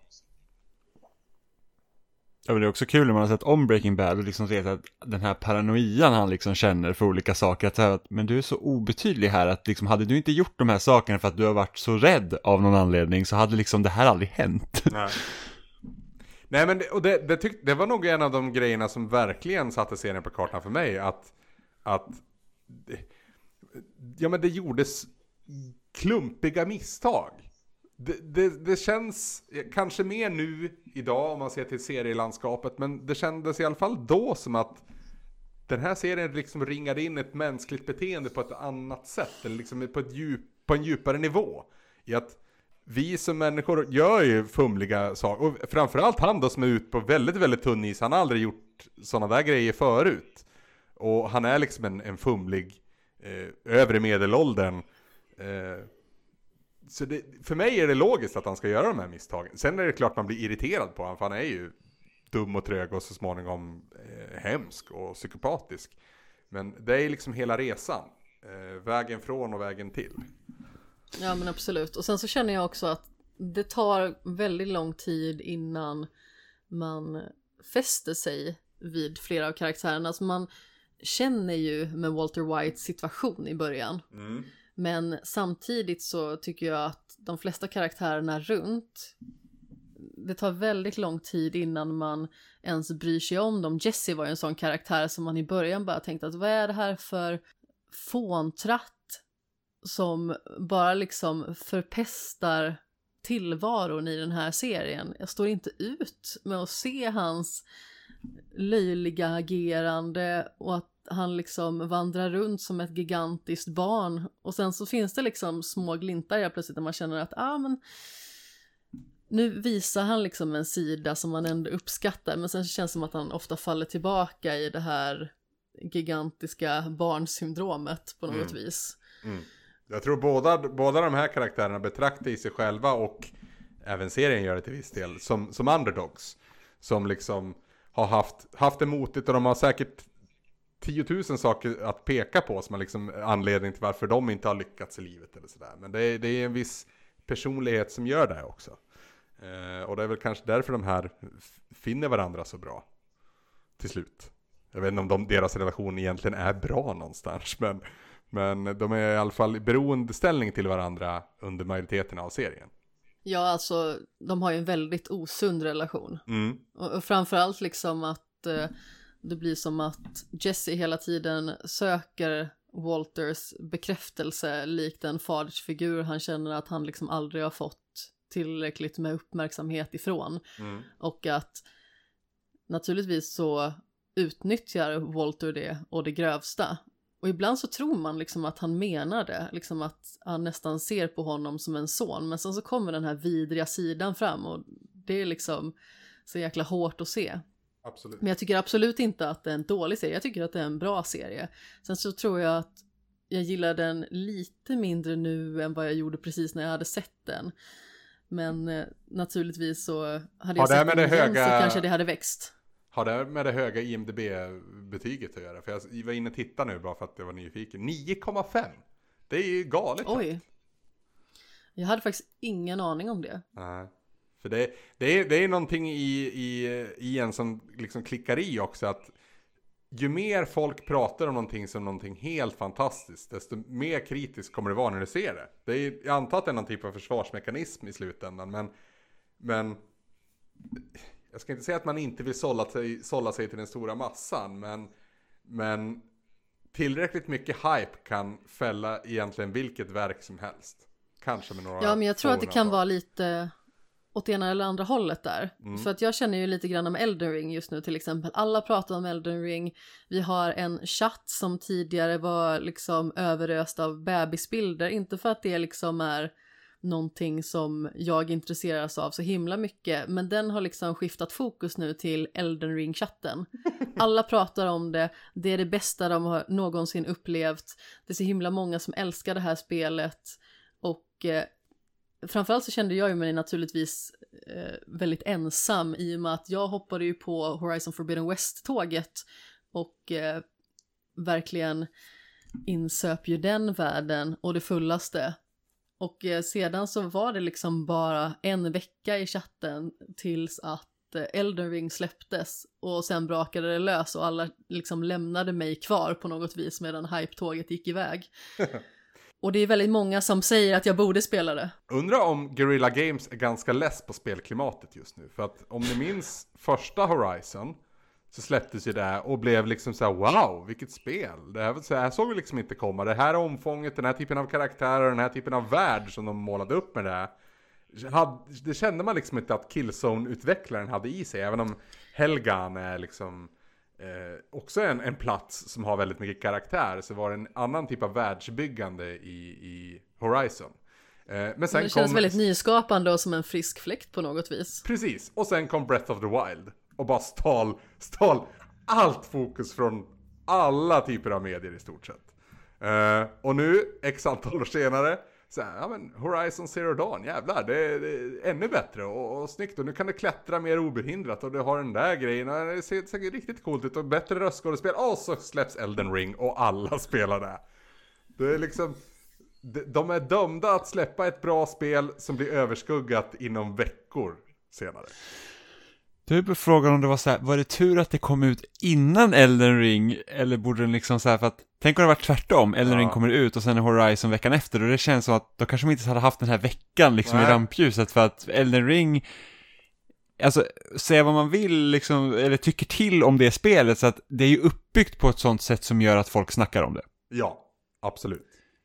Och på samma sätt har ju inte Horizon, för att det är liksom, även om det är en öppen värld, det är en ganska linjär liksom progression, medan Elden Ring är så här bara att du kan gå vart du vill, du kan liksom, du har typ hur många möjligheter som helst att bygga upp din karaktär, och folk testar och hittar nya saker som gör det mer effektivt, så att det är liksom, det känns inte som att de hade vunnit på något sätt om inte spelet hade släppts antingen så här ett halvår senare eller ett halvår tidigare. Nej, Ja, men men, men om jag var en spelutvecklare så skulle jag försöka släppa mitt spel några veckor efter nästa Horizon. För det verkar vara, verkar vara bra odds i den, Succé. i den luckan liksom. Ja, men alltså det jag framförallt kände var väl egentligen liksom att det är ett spel som jag hade sett fram emot så oerhört mycket. Och när alla liksom övergav mig för att spela någonting helt annat, alltså vissa var ju redan klara och vissa alternerade ju mellan spelen. Men det kändes ju liksom som att fokuset och diskussionen låg väldigt mycket på Elden Rings planhalva. Eh, alltså man kan ju förstå det, absolut. Men det kändes som att det fick sån otrolig genomslagskraft. Så att det var liksom ingenting annat som existerade och eh, kanske fortfarande liksom inte gör i eh, mångas liv. Det är liksom 100% Elden Ring som gäller. Så, eh, ja men, jag har ju suttit och pratat om Horizon Forbidden West säkert fem timmar själv de eh, senaste veckorna sedan det släpptes, så vi ska inte gå in på det allt för mycket. Men min poäng var väl egentligen där att det kan ju verkligen slå åt vilket håll som helst att ibland när folk är så exalterade så kan man ju selektivt egentligen bli väldigt exalterad själv om det är någonting som man har minsta lilla intresse av. Mm. Men sen kan det verkligen gå åt andra hållet som det gjorde för mig med Elden Ring. Liksom att ju mer folk tjatar att jag borde spela Elden Ring, desto mindre vill jag spela Elden Ring för att jag blir sur. Mm. Jag, jag känner igen mig där och jag har varit i den sitsen också själv många gånger. Men, men du vet ju inte förrän du faktiskt har tagit steget. Nu, nu kommer jag bli en sån som får nog sätta dig och spela Elden Ring, Amanda. Eller hur? Det, det, det är den enda vägen ut. Ja, men alltså som sagt, man har ju själv gjort sig skyldig till det jättemånga gånger när man säger till folk, åh du borde se det här, du borde spela det här, det är så himla fantastiskt och det är så bra och så har man liksom en lång utläggning. Och det man egentligen har gjort det är ju bara göra människan mer eh, anti till Mm. saken som man själv är intresserad av. Jag tror det var Bara för så... att man har sålt in det för hårt. Jag tror det var så som blev fallet med Hades och Tobias. Eh, dels att både jag och många på eh, övrig, liksom övriga på redaktionen eh, och i övriga världen liksom hyllade det från, från, ja, men från tårna liksom. Men också att han spelade Returnal innan. Som är ett annat typ av, och det, jag tror Returnals recept är bättre lämpat gentemot hur Tobias fungerar som spelare. Ehm, även om han också fick gå igenom, det var lite av en, eh, en lite av en skärseld han fick gå igenom där. För han har ju varit väldigt anti det här med, eh, ja men, procedural, det, det, ja men genererade banor så att säga. De är inte lika eh, på någon genomspelning. Eh, Tobbe är en sån här som studerar och adapterar därefter. Ja men precis, Tobbe är ju en maskin på det viset, Exakt. liksom att han bara nöter och nöter och nöter tills det sitter. Eh, och jag känner igen mig lite grann i det, framförallt när det gäller tvådimensionella spel, liksom att man sitter och eh, stångar huvudet i väggen tills man helt plötsligt stångar sig igenom den och sen så kommer en ny vägg som man sitter och stångar i. Men jag pratade ju med Tobbe om eh, Hades liksom också. Eh, och eh, jag har väl dels där gjort mig skyldig till att, bara så, men ska du inte ta det, kom igen, nästa spel. Det är dags nu liksom. Eh, dels det och dels också liksom det här att eh, man frågar hur upplevelsen var och sen så har man liksom eh, nästan chockats lite över att, ah men ah, okej, du tyckte inte att det var så bra som jag trodde att du skulle tycka, det var ju lite olyckligt. Ja. Ja. Nej, men eh, det, vi landade i att Breaking Bad var lite översålt på dig då. Är det, är det så vi ska summera det? Ja, men det skulle man väl kunna säga. Eh, Det är ju väldigt många som har eh, hypat upp serien otroligt mycket. Och det är faktiskt inte så himla mycket hype som har funnits kring Better Call Saul som vi började tassa in på där lite granna. Eh, Det är en sån serie som har passerat förbi Netflix-flödet och som man tycker ser ganska så risig ut. Mm. Det är lite som när man såg Brooklyn 99 för första gången och så tänkte man bara usch, det där ser ju inte spännande ut för fem öre. Nej. Vem kan kolla på sånt skräp och så kollar man så blir man helt såld. Och jag ska inte säga att Better Call Saul är lika bra som Brooklyn 99 för att jag verkligen älskar Brooklyn 99. Nej, Jag gjorde det inte från början dock. nej. Ja, i början kände jag liksom så här att jag hade väldigt svårt att eh, knyta an till karaktärerna och bry mig och eh, var mest irriterad på Jake för att han var så himla irriterande. Men sen när man ser om serien från början, då bryr man sig inte om det för att man älskar redan karaktärerna så mycket. Samma sak när man ser The Office, den amerikanska versionen, Mm. igen från början. Då bryr man sig liksom inte om karaktärernas tillkortakommanden på det viset, utan då köper man liksom att karaktärerna är som de är redan från början. Inte ens Michael Scott är lika irriterande som man tyckte att han var första gången. nej, precis. Men i Better Call Saul så kände jag ju framförallt att den var lite lättare att komma in i. Det är en lite mer jordnära serie som fokuserar betydligt mer liksom på relationerna och situationerna som är väldigt vardagliga Hur länge för, finns... eh, Hur, Jimmy McGill. ja men precis. Hur länge finns hans bror, Chuck heter han va? Hur länge finns han med i serien? Tre säsonger. Ja. Sen så eh, är han... Nej, jag insåg att i och med att man säger så så spoilar man ju också. Så jag tänkte försöka rädda upp det där, men det, det gick inte.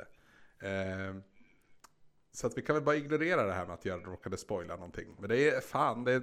Ja.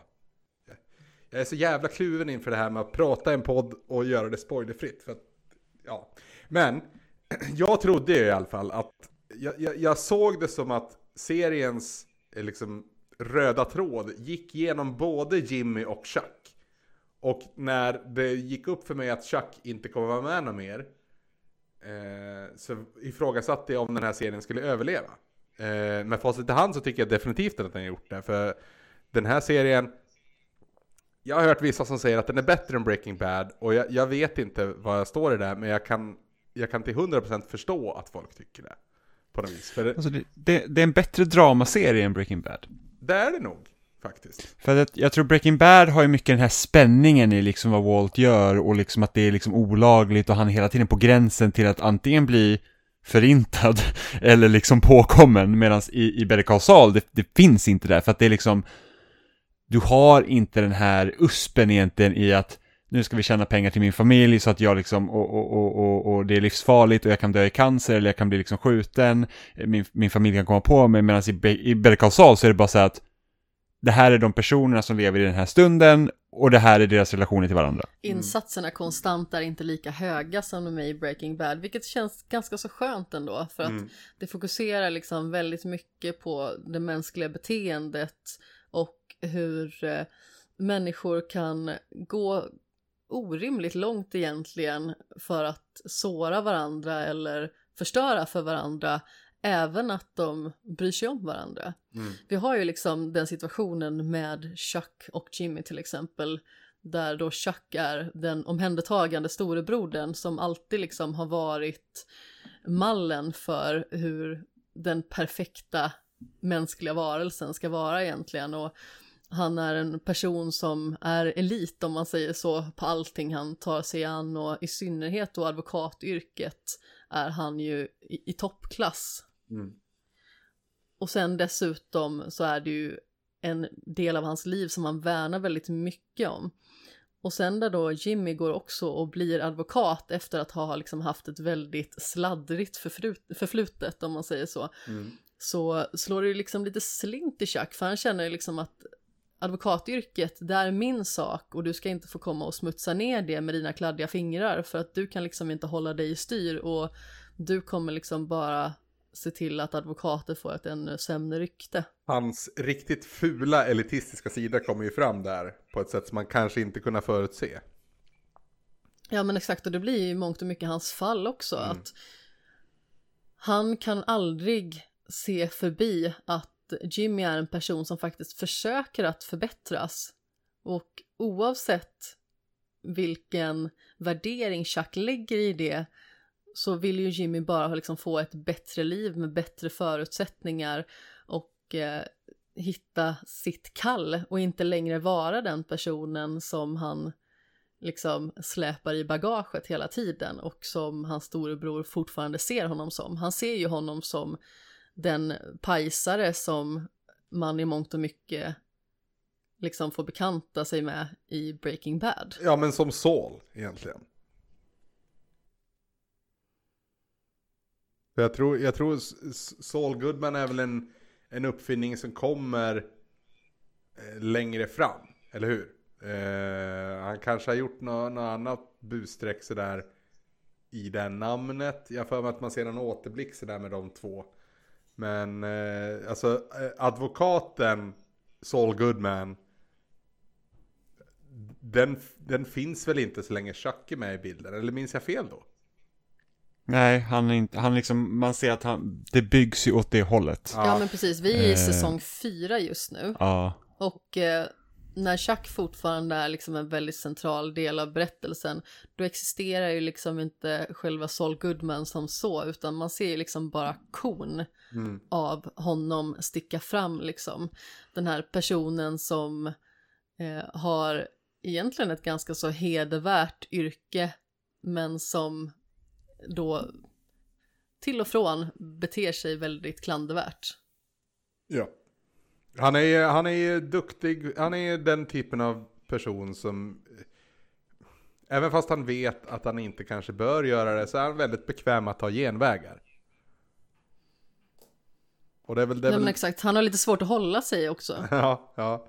Och det är väl det, jag tror Chuck till och med kommenterar på det. Att nå, någonting med genvägar vill jag minnas att han nämner vid något sånt här. Eh, vid något bryt. ja. Jo men det, det gör han, men han, han anser ju säkert att hela liksom Jimmys liksom, utbildning till advokat också är en genväg. För att Mm. det är liksom inte egentligen via en prestigefylld skola, utan det är väl mer liksom så här typ, men det är nästan så här, du har blivit advokat på komvux. Mm. Ja men, ja, körkort i cornflakes-paketet, den typen av Ja. nivå. Ja, Precis. ja. Och han ser ju väldigt mycket ner på Jimmy hela tiden genom hela den resan som man får bevittna i serien. Och det är ju någonting som också egentligen föder, äh, som föder dysfunktionen. Att ju mer han ser ner på honom och ju mer han liksom klankar ner på de vägar och de val som han har tagit, desto mer kommer Jimmy också bli Saul Goodman till slut. Mm. För att det han gör, det är ju också att sätta igång en snöboll ganska så tidigt. Som då gör att situationen förvärras. Och i slutändan så är det ju det som förvärrar situationen för honom själv också.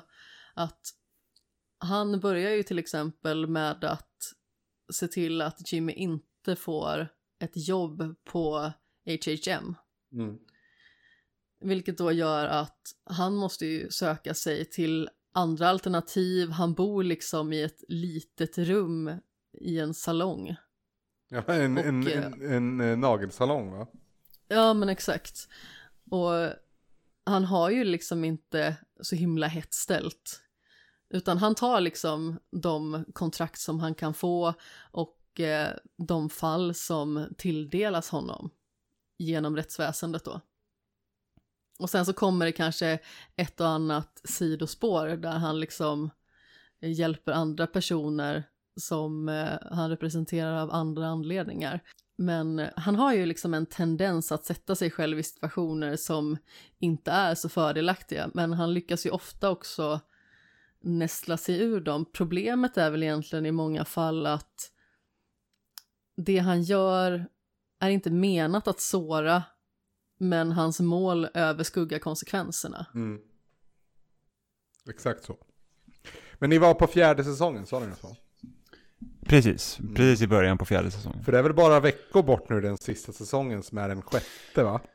Tror jag. Jajamensan, så första delen av sjätte säsongen kommer 18 april om jag inte minns helt fel och sen så är andra delen av sista säsongen kommer någon gång i juni eller juli. Ja, det är ju lite anledningen till att vi faktiskt eh, satte tänderna i den här serien nu. Mm. För att eh, Jimmy har ju sett hela serien som har existerat tidigare.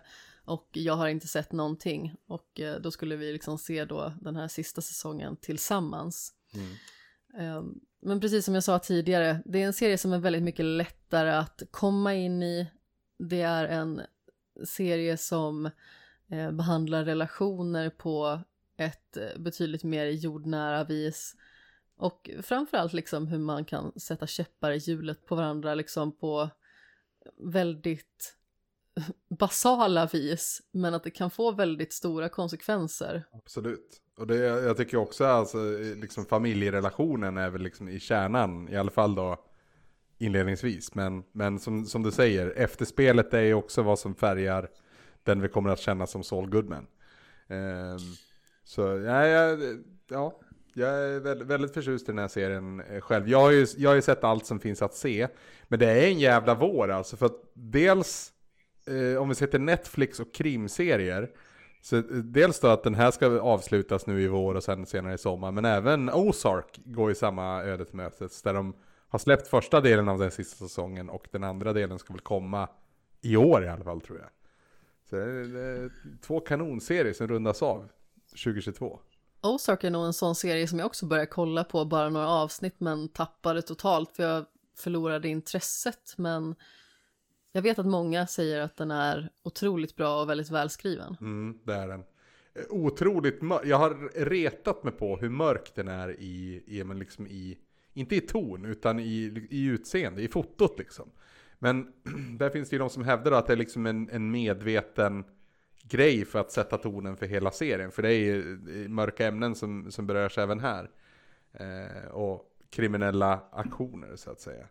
Men eh, i bådas fall, både när det gäller Better Call Saul och, och Ozark så är det kul att se en, en karaktär som, alltså jag hade väl sett Bob Odenkirk i någonting annat innan, men inte att han skulle kunna leva upp i en huvudroll så som han gör nu. Han var ju en, en karaktär redan i Breaking Bad och en karaktär man kom ihåg. Men jag minns ju, ja men när, när började den här? 2014? 2015 kanske? 2015. 2015, precis. Då hade ju jag precis sett klart Breaking Bad och tänkte att ska man göra en hel serie om Saul, hur ska det bli? Men eh, de här författarna vet vad de sysslar med, det kan ju säga. Vince och Peter är det väl? Man har ju skepsis med all rätt kan jag tycka. För att det är ju en karaktär som liksom är en lurendrejare och en pajsare som existerar väldigt mycket i periferin och som bara kommer in och gör lustiga utspel. Ja, oftast också i reaktion till vad huvudkaraktärerna har gjort. Det är liksom sällan Mm. att hans agenda får, får komma in i ett avsnitt i, i Breaking Bad. Så att han är ju mer en reaktionär karaktär. Ja, och sen så Bob Odenkirk som skådespelare eh, har jag lite svårt att ta på allvar, men jag känner ändå att han har växt väldigt mycket i Mm. den här rollen. Mm. Verkligen. Och det, det är lite samma med Bateman där i, i Ozark. Att, eh, jag är väldigt svag för, för att göra en, vad ska man säga då, en Ashton Kutcher i Butterfly Effect. Att man tar en skådis som är, inte typecastad, men snudd på typecastad för en viss typ av roll. Och så gör den sk- skådisen en helt annan typ av roll. Och så sitter man och Men- liksom hajar till över det. Ja men det är bara att ta Brian Cranston till exempel. Ja, alltså, Exakt. innan Breaking Bad, det var så här, alltså, det Ja. var ju Malcolm in the middle för mig. Exakt. Liksom att det här, karaktären jag absolut avskydde i den serien och bara så här, att hur ska man kunna ta en sån på allvar? Och sen liksom helt, han var ju helt, alltså det måste man ändå säga i Breaking Bad att, att, att eh, Brian Cranstons rollprestation där är ju liksom helt outstanding. Mm, jag tror hans aktie som skådis gick ganska många pinnhål upp i och med den serien också. Ja verkligen, alltså helt otroligt. Mm. Mm. Nu är ju Army Hammer till exempel en sån karaktär som verkligen har eh, fallit totalt av eh, flera olika anledningar som vi inte behöver vidröra här, men eh, hans roll i Call Me By Your Name fick ju mig verkligen att, eh, att ändra uppfattning till exempel, för att det var ju verkligen en sån här mängd skådis som bara liksom var en eh, snygg person egentligen. Mm. Men han är väl med i eh, Facebook-filmen, vad heter den? Social Network va? Yes. Mm. Spela tvillingarna. Ja precis, Ja. han spelar, spelar två karaktärer där, exakt. Ja, nej, jag, jag är en sån här konstig person som kanske håller Social Network som den bästa filmen av, av eh, han. Nu tappar jag namnet på det. Army Hammer. Ja, nej. Jag tänker på Fincher såklart. David Fincher. Ja, han har Fincher, gjort precis. fantastiska filmer, men Social Network har en, en smitväg in i mitt hjärta på något vis. Jag tycker den filmen är briljant. Att man kan göra så mycket drama över någonting så trivialt fascinerar mig fortfarande. Ja, i synnerhet om man ser den i efterhand. Jag såg inte den när den kom. Ja. Men när Facebook hade blommat ut så mycket som det gjorde när man såg den så var det ju liksom en väldigt intressant resa att ta del av. Mm. Liksom hur det började och hur det växte fram. Mm. Jag minns ju också att folk när den filmen kom, det var så här, ja ah, men det är Facebook-filmen. Mm. Alltså man pratar typ om den på samma sätt som typ man gjorde så här emoji-filmen sen senare också. Liksom. Det var så här, ah, men det är bara Facebook-filmen. Liksom. Ja. Varför ska man göra en film om Facebook? Och så vis, alltså, hade någon liksom pitchat Facebook-filmen idag så det, det handlar liksom om en av de största liksom maktplattformarna i världen. ja. Ja men precis, för även, när kom Social Network då? Början av 2010 2010-talet? 2000, kan det ha varit 2000, kan det ha varit 2010? Punkt. Är det så tidigt alltså? Ja, jag den var det. nog relativt tidig. Ja, det, det kan faktiskt vara 2010. Eh, och jag menar, Facebook var jättestort då, såklart om man gör en film om det. Men det hade ju inte riktigt än börjat pratats om baksidan av den makt som den plattformen har. Vilket det i allra högsta grad har gjorts sen dess. Ja, verkligen, och det är inte alla som hade, alltså 2010 hade ju inte alla en smartphone till exempel. Alltså, Exakt. det stora genombrottet för smartphones kändes ju nästan som att det var året efter, med liksom eh, iPhone 3GS och iPhone 4, det var då iPhone liksom verkligen började slå på bred front. Mm. Eh, och liksom typ Nokia var liksom inget namn längre och, och Android-telefonerna hade väl precis börjat ta fart också, så att det är liksom, ja, Jag hade precis börjat mitt första år på mediegymnasiet efter att jag hade bytt skola. Och då hade jag en iPhone 3. Och då var det ju verkligen det nyaste, hetaste och häftigaste som hade hänt. Jag diskuterade det här med en kollega på jobbet liksom för att hennes barn som är liksom i både tidiga och sena tonåren de kan ju liksom nästan inte föreställa sig en tid där iPhonen eller där iPaden liksom inte har existerat och att internet har varit liksom så lättillgängligt. När man själv liksom sitter där och bara säger jag minns hur det var när man var tvungen att ringa upp internet. Ja, ja, men så bara så att kom ihåg när var och varannan inte hade en mobiltelefon. Vi har varit med om när det blev färgskärm på mobiltelefonen. Internet på mobilen var ju liksom en, en, en, en jättestor grej och det var de här liksom VAP-hemsidorna. Ja. Och hur grafiken har förändrats i liksom det mobila väsendet genom åren. Ja men verkligen liksom, vi har gått från typ spela Snake till exempel på mobiltelefon till att ha liksom upplevelser som Till att spela PUBG. Ja men precis, du kan liksom spela Call of Duty till exempel på, på mobiltelefonen liksom. Alltså att det, eh, alltså det, det är liksom helt otroligt vad, vad smarttelefonen har varit liksom en stor liksom föränderlig sak liksom. Mm. Ja, mycket, mycket, mycket mer än vad man kanske trodde att den skulle vara. Även om det var Ja, gud, en ja. revolutionerande eh, liksom, piece of technology. Så hur det har förändrat hela världen egentligen. Eller, eh, nu ska vi vara riktiga här. Den, framför, framförallt västvärlden. Kan man väl säga Ja. det som. Eller, ja, inte väst, ja, ni fattar. Ja, men att den primära funktionen är ju inte att ringa Nej, med telefonen längre. exakt. Jag, jag minns ju, på tal om att spela hur gammal vi är kortet, så minns ju jag när liksom den vanliga telefonen, bara att, bara att den blev trådlös. Eller biltelefonen. Under dens korta livsspann så var ju det liksom verkligen en, en, en, en, en pjäs för att visa makt. Att jag har telefon i bilen. Mm. Ja, mobiltelefonen var som en tegelsten. Ja. Man hade lätt kunnat ta ihjäl någon med den. Ja, ja visst. Det var, behövde liksom bära antennmodulen som en ryggsäck bakpå. Eller jag kommer till och med ihåg när liksom säljargumentet på mobiltelefon var att den inte hade en synlig antenn.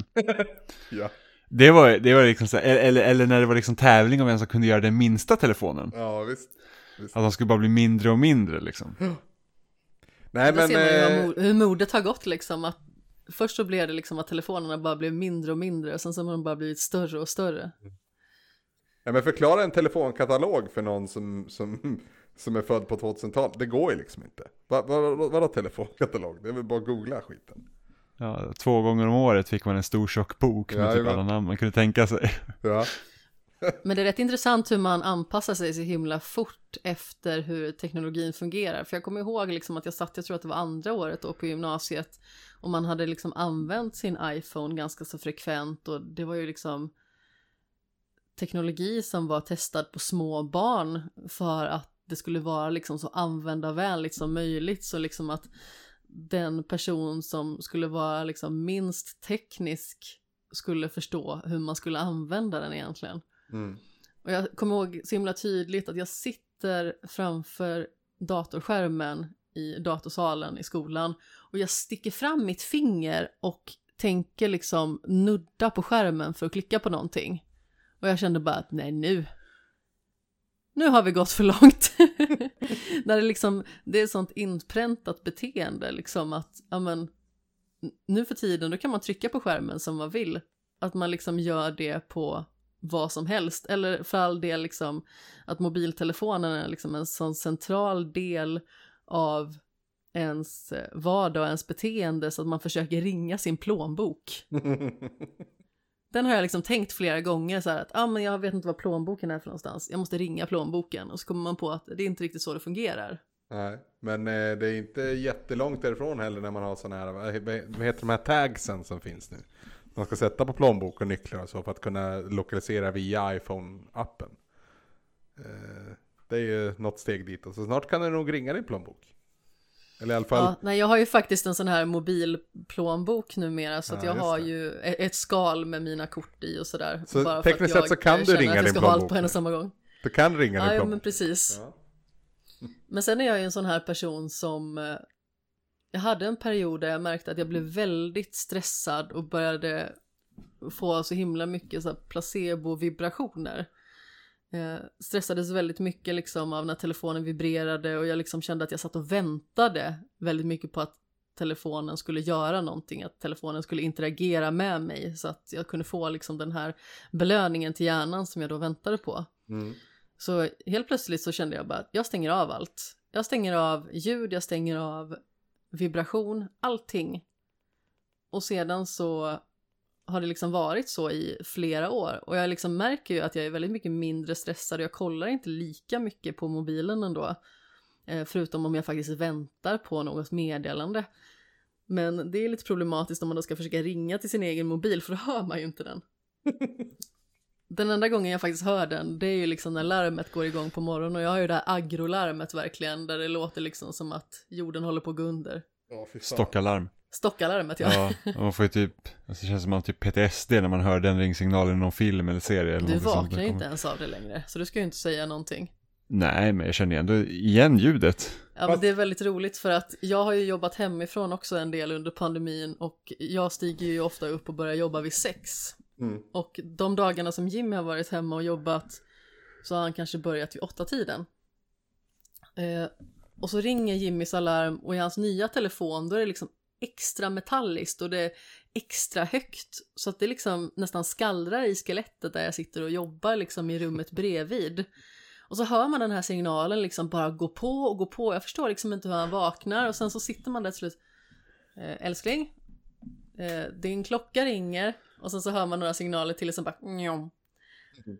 Och då har han liksom äntligen reagerat. Jag förstår liksom inte hur eh, det är möjligt men eh, Annars är det väl det mest, sig vid både det ena och det andra. det är väl det mest effektiva sättet att börja hata en låt är väl att välja den som, som, som wake-up signal. Alltså oavsett hur bra låten är så kommer du förr eller senare börja hata den för att du väcks av den hela tiden. Ja, jag kommer inte ihåg när jag använde en låt som ringsignal senast. Jag, jag, jag har en tendens att göra det, men jag behöver byta emellanåt. För, för som sagt, hur bra låten än är, så, så förr eller senare så kommer du hata den om det väcks av den konstant. Ja, men det kan jag absolut tänka mig. Det är inte precis som att man har någon kär relation till det här stockalarmet som sagt. Nej, nej, det är ju väldigt funktionellt på det här sättet. Har vi någonting mer att säga om Better Call Saul undrar jag? Ja, det, ja, det har vi säkert, men... Eh, men... Ehm, jag, jag, jag blir lite så här nervös nu i och med att ni inte har sett allt jag har sett, så jag kanske säger saker som jag inte bör säga. Eh, mer än vad jag redan har sagt. Mm. Men... Eh, kan de avsluta Better Call Saul på samma, eh, med liksom samma flagga i toppkänsla som jag ändå tyckte att man avslutade Breaking Bad med? För att det, jag måste tillbaka till Breaking Bad snabbt bara för att eh, ringa in det här. Det som gjorde Breaking Bad bra i grund och botten var att det var, det var väldigt sällsynt framförallt då i att man hade en historia färdig innan man började göra serien. Här börjar historien och här slutar den. Och jag vet att jag var superskeptisk inför sista säsongen i att hur, hur ska man få till ett värdigt slut på det här? För att det är så jävla illa. Och med tanke på hur den faktiskt slutar så det, det är inte som att den egentligen slutar bra. Men det är ett förbannat bra avslut. Den kunde inte ha slutat bättre serien tycker jag. Utifrån vad, vad den handlade om och vart karaktärerna var och hamnade. Så att säga.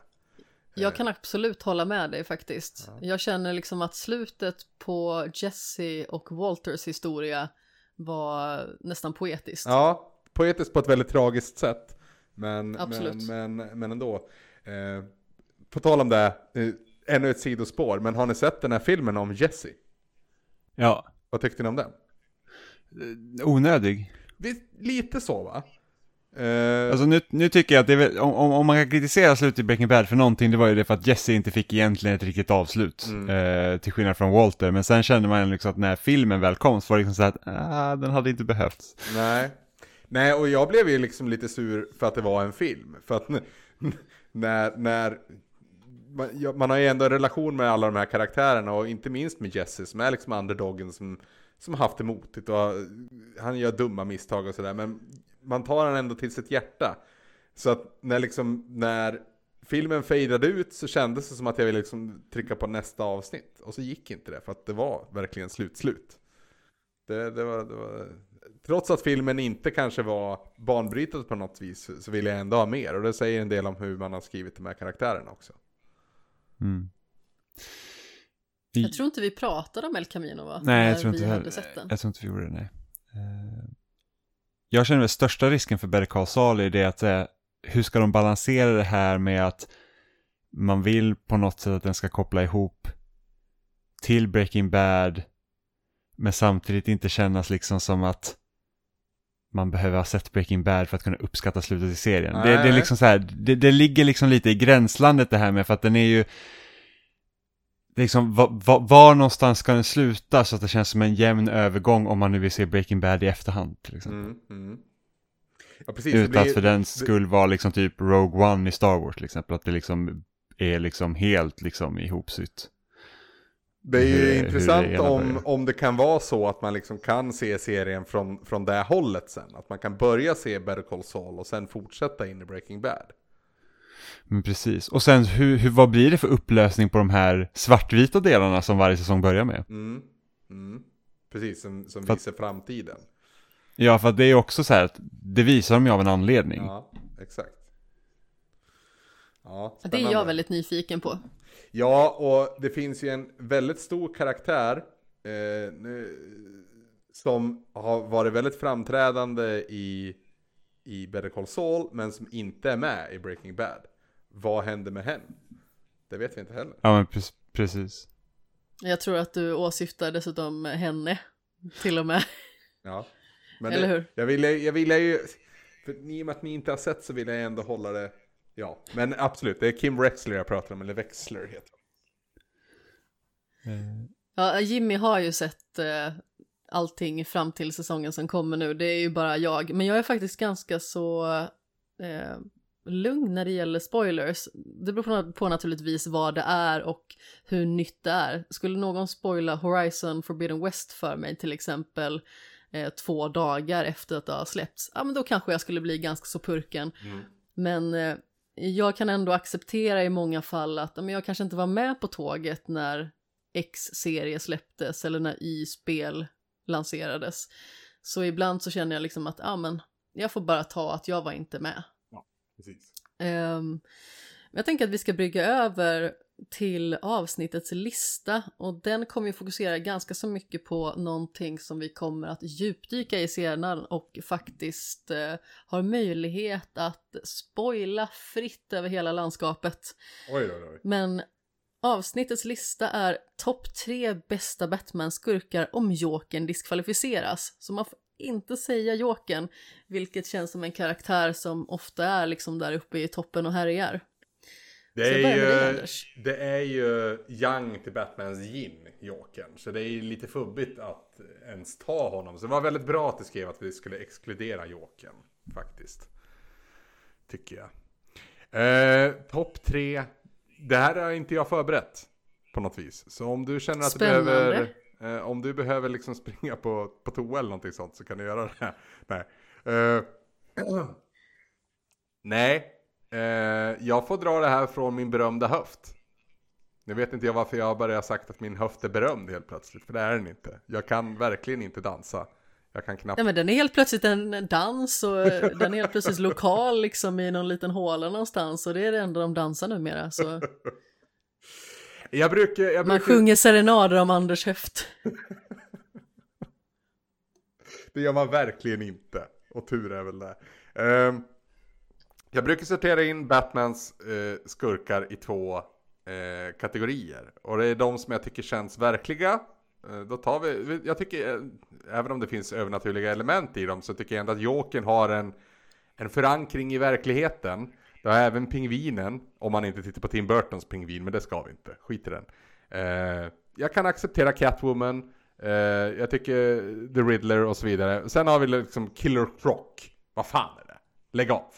Det, det, det, det allvarligt talat. Mutanter och metahumans och skit.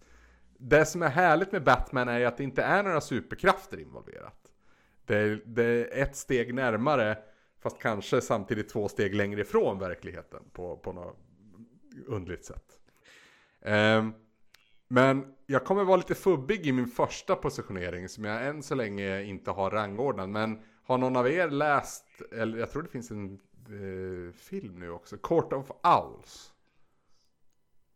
Eh, nej, det har jag inte gjort. Den ligger i min skämshög. Ja, den, eh, den, den ligger fint där höll jag på att säga. Men, nej, men det, var, det var en sån här, ett album jag köpte på, jag tror det var på Bokmässan faktiskt. Eh, lite på, dels på rekommendation, för hon som sålde där sa att den här är väldigt, väldigt bra. Och den var splittny då. Så jag köpte första upplagan, så fick jag liksom beställa hem den andra när den väl släpptes och så. Och handlar ju om en hemlig ett hemligt society eller vad man ska säga. Ett, eh, så här, de, de, de har funnits i Gotham eh, i all evighet egentligen. Eh, och leker ju väldigt mycket med att så här, eh, fladdermusens naturliga fiende är ugglan. Så de här är ju deras henchmans är ju, har ju uggleattiraljer så att säga. I, eh, så. Det, det jag gillar egentligen är väl liksom hemlighetsmakeriet som ligger bakom och, och liksom äh, äh, jag kan tänka mig att det har funnits konspirationsteorier som liksom handlar om de här och det, det är liksom det är mycket outtalat med dem som äh, liksom bara göder mystiken kring The Court of Owls. Men att det i själva verket är högt uppsatta toppolitiker som med sina liksom, ugglemasker fattar beslut för Gotham. Och hamnar man i deras väg så röjs man undan. Och i, i det här albumet så hamnar ju då Batman i deras eh, Corsair så att säga. I deras, i deras sikte. Eh, och ja, väldigt, väldigt, väldigt bra tycker jag. Och en, en, en, en cool bad guy för Batman för att det är liksom inte en person att peka på utan det är liksom ett helt, ett helt nätverk. På något vis. Spännande mm. ändå. Mm. Jag, har, jag har så himla dålig koll på dem faktiskt. Ja men de är också rätt så ny. Alltså jämfört med liksom Jokern, Pingvinen och Gåtan så är de väldigt, väldigt ny. För det, det här albumet, vi, det är ändå 2010-talet liksom. Och de fanns... Ja, oh, så pass? Ja, de fanns ju inte innan dess. Jag, jag, jag, vet, jag har den bakom mig, vänta. Här har jag den, nu ska vi se om vi kan få något årtal på den här också. Mm, inte där. Sjukt snyggt tecknat är den också. Eh, varm, varm, varm rekommendation. Scott Snyder har skrivit den. Eh, har ju också ett bra track record. Och eh, Greg Capullo har eh, tecknat den. Jag hittar inget årtal på den här nu, men jag tror 2010-talet i alla fall. Så kom första volymen. Ja, man blir ju sugen. Ja, det är verkligen en varm rekommendation. Jag läser på tok för lite serietidningar faktiskt numera. Mm. Men den fick ganska mycket uppmärksamhet den här också just för att den är ganska fräsch i att den inte beblandar in the usual suspects så att säga. Utan det var en helt ny antagonist. Och som sagt inte en enskild person att peka på utan snarare ett nätverk av ett nätverk som liksom överskuggar till och med Bruce Waynes tillgångar. Vi, vi, vi pratar om det liksom en procent av en procent gänget. Så det, det, okay. det är en kittlande, kittlande känsla. Sen så tycker jag att jag kan lämna över stafettpinnen och så tar vi en, en bad guy i, i stöten. Så att jag får tänka lite längre. Okej, okay. då kör vi det Jimmy. Vad trevligt. Eh, som sagt, jag har inte så här superkoll på, på alla Batman-skurkar och sånt för att jag, jag har inte riktigt läst Batman som serietidning utan jag har ju mest sett ja, men den animerade serien när den gick på femman liksom, när man var liten.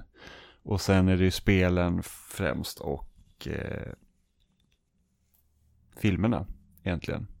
Men jag vet i alla fall att när jag var liten, jag tyckte alltid om eh, när det kom eh, avsnitt med Poison Ivy. Mm. Jag har alltid tyckt var, var skithäftigt liksom det här med att hon liksom typ pratar med växter och liksom får det fram eh, och tillbaka. Eh, sen så kanske man inte alltid tyckt om hennes liksom sexualiserade liksom versioner i respektive media, men eh, i grunden så tycker jag att hon är en väldigt häftig skurk. Sexualiseringen Faktiskt. var ju inte det främsta problemet med Uma Thurmans tolkning, det kan man väl slå fast. Ja, nej, nej, där finns det många, många andra problem. Eh, Även om det också såklart Men, är ett problem så, så, så leder, ja. den, leder den tolkningen av fler problem. Ja men precis. Eh, men jag har alltid gillat Poison Ivy. Mm. Hon är ju också intressant för att växter är ju liksom ett helt nytt språk att lära sig egentligen. Och man, jag vet ju att det liksom finns köttätande växter och jag vet att det finns växter som sänder ut signaler till andra växter och att det finns, de är liksom sammankopplade under jord på ett sätt som vi inte ens liksom kan förstå. Eh, så att eh, en, en, en bad guy då som anammar det här och, och vrider det till vrider det till sin, sin styrka egentligen. Det är ju någonting kittlande i det också. Mm. Ja, min första position, jag har inte heller rang, äh, rangordnat dem för jag känner att det behövs inte riktigt utan det räcker liksom med tre i topp sådär. Mm. Det är Scarecrow. Mm. Äh, som ju egentligen heter Jonathan Crane mm. och eh, han fokuserar ju väldigt mycket på psykologiska aspekter och sätter främst skräck i människor utan att använda våld. Vilket jag tycker är väldigt spännande för han använder ju liksom den här gasen som han har tillverkat för att framförallt människor ska få väldigt obehagliga associationer eller hallucinationer. Det ska väcka obehagliga minnen och att de på något vis ska bli helt paralyserade av den upplevelsen. Jag minns ju framförallt liksom när jag stötte på Scarecrow första gången i Batman Arkham Asylum. Um, då är det liksom bara en liten hint som man missar första gången man spelar det förmodligen. Det är så, om att så man blir gjort. förgiftat. Ja. Ja, men precis. Det är en liten hostning eller någonting sånt va? En liten sån här... Ja, ja, men exakt. Ja, Jag tror att det är när Batman står i en hiss till och med. exakt, exakt.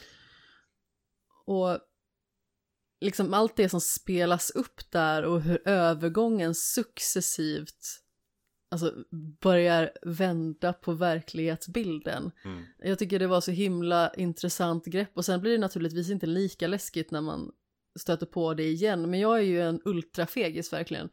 Jag är superrädd för skräckfilmer. Jag är både rädd för psykologisk skräck, även att jag upplever liksom det som mer intressant. Men jag är också väldigt lättskrämd. Och jag kommer ihåg att jag satt på mitt kontor när jag spelade det här första gången. Och det var liksom ganska så sent rent dagsljusmässigt. Så det här liksom väldigt mörka ljuset som bara infinner sig på vintern började så här silas in genom persiennerna.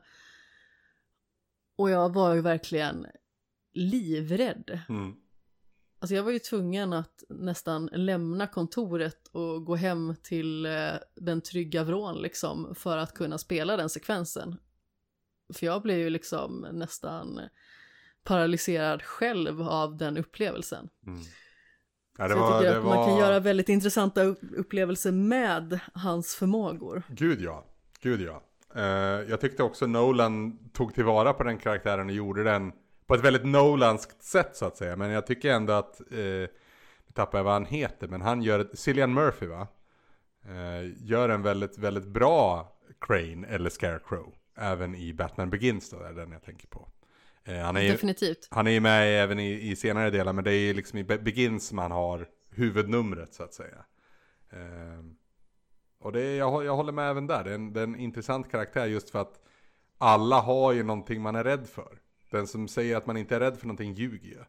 Ehm, och att, att konfronteras med det är ju vad man skulle göra egentligen om man stötte på Scarecrow, eller utsattes för honom rättare sagt. Så att det är återigen någonting kittlande där. Ja men exakt och det är ju så himla subjektiv upplevelse också. Mm. Den ena personen upplever det helt annorlunda i relation till någon annan. Och det sättet som det manifesteras på kan ju liksom vara väldigt kroppsligt men också liksom väldigt psykiskt. Så det kan liksom få väldigt olika reaktioner och konsekvenser. Oh ja. Oh ja. Vad har du näst på tur Anders? Eh, näst på tur, båda, jag spar min, min bästa till sist. Eller bästa, det, det, ni, ni får väl välja. Men jag tror jag väljer Red Hood som nummer två på min lista. Känner ni till Red Hood? Ja det var en liten bubblare för mig faktiskt. Okej, ja vad bra. Då, då, då känner du till det i alla fall. Du då Jimmy?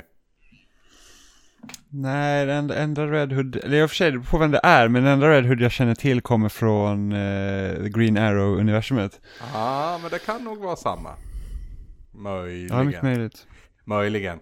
Ja, du, har du spelat... Um, vad fan heter den då? Eh, Ar- Arkham Knight. Alltså tredje spelet i Arkham-serien. Ja, men det är Ja, för det är ju... Då heter ju han Arkham Knight, men det är ju Red Hood. Det är ju samma, Ah, det är okej. samma berättelse egentligen. Eh, skulle, ni, ha- skulle ni ha bett mig att listat topp tre Batman-filmer så tror jag faktiskt Under the Red Hood hade smugit sig in på någon av positionerna. För jag håller den så otroligt högt.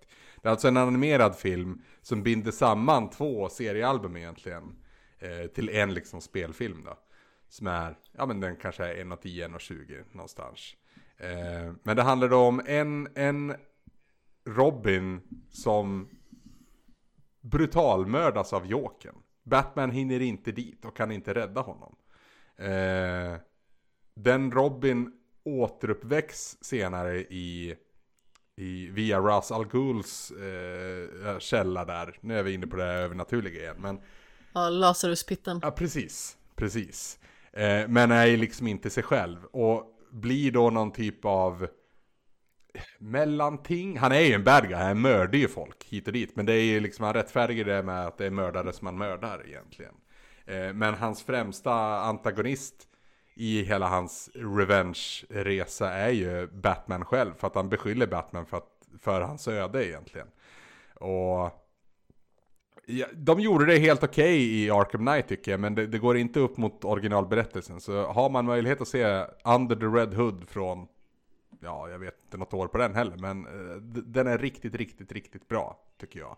Och det är ju också kittlande med, med en, en annan Batman, för uh, Red Hood har inte heller några superkrafter egentligen, men han har ju tränat med Batman och är det någon som känner sin fiende så är det ju han. Uh, och kan liksom te också terrorisera Batman i en helt annan utsträckning. Eh, I och med att han, han känner Batman in på, in på skinnet. Eh, vet hans identitet och vet hans, alla hans hemligheter och deras gemensamma historia också såklart. Så ja, det är kanske inte återigen att jag väljer från liksom den klassiska hyllan av Batman-skurkar. Men det är väl också för att det känns lite gjort kanske. Eh, Ja, jag gillar att du eh, håller dig lite åt det hållet. Jag var faktiskt väldigt sugen på att välja The Red Hood också. Jag har ju eh, Under the Red Hood stående här i hyllan Mm. på DVD. mm, Hade bra, tänkt att försöka få Jimmy att eh, se den också. Mm. Men eh, det är ju liksom verkligen en, en obehaglig berättelse. Mm. Och det är ju lite samma sak med The Killing Joke. Nu kommer inte jag riktigt ihåg vad jag tyckte om filmatiseringen. Den var liksom, inte så den, bra eller- tyckte jag.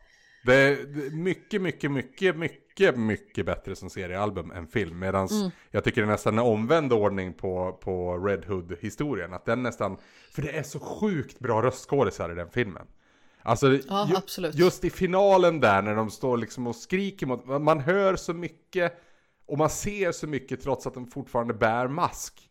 Alltså, de gör så mycket med rösterna där. Det är, jag får gåshud nu när jag pratar om det liksom. För att jag, Ja. jag blev så blåst av stolen av den filmen.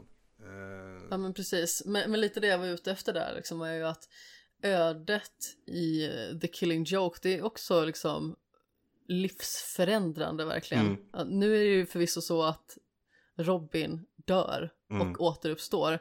Men det blir ju nästan som att Barbara Gordon också får liksom ett nytt liv, ett liv som hon liksom inte har valt själv heller. Och Exakt. det är ju liksom Jokern som bär ansvaret. Mm.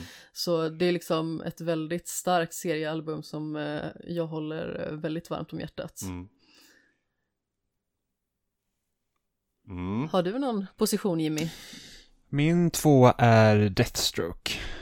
Okej. Eh, och just för att han är egentligen, alltså han är egentligen typ som Batman fast ond. Ja, precis. Eh, han är liksom här, han är smart, han är liksom stark, eh, snabb och liksom ha- har liksom samma egentligen kvaliteter som Batman har förutom att han väljer att vara en skurk Han korsar ju vara- den gränsen som Batman vägrar korsa.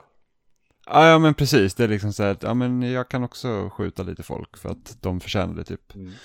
Eh, så att han är väldigt liksom, de iterationer jag sett av honom så är han liksom väldigt intressant. Sen tycker inte jag liksom till exempel att spelen har väl inte riktigt eh, porträtterat den här eh, karaktären på Nej, jag har bästa för sätt. mig att man liksom. har en fruktansvärt tråkig strid mot honom i Batman Arkham Origins som för övrigt är ett väldigt underskattat spel. Ja, jag att, ja, det är eh, intressant att du säger det, för jag, jag ba, kanske bara förra veckan så såg jag en ganska lång sån här YouTube-essay om just det här spelet. För jag var en av de som kritiserade det hårt när jag recenserade det back in the day.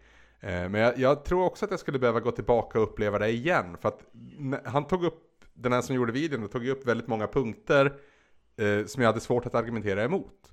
Eh, och jag minns också att det fanns eh, stunder i, i liksom Origins som ändå, det, det var ju befläckat av att det inte var Rocksteady. Utan det var väl, det var väl Warner Brother Games som gjorde det.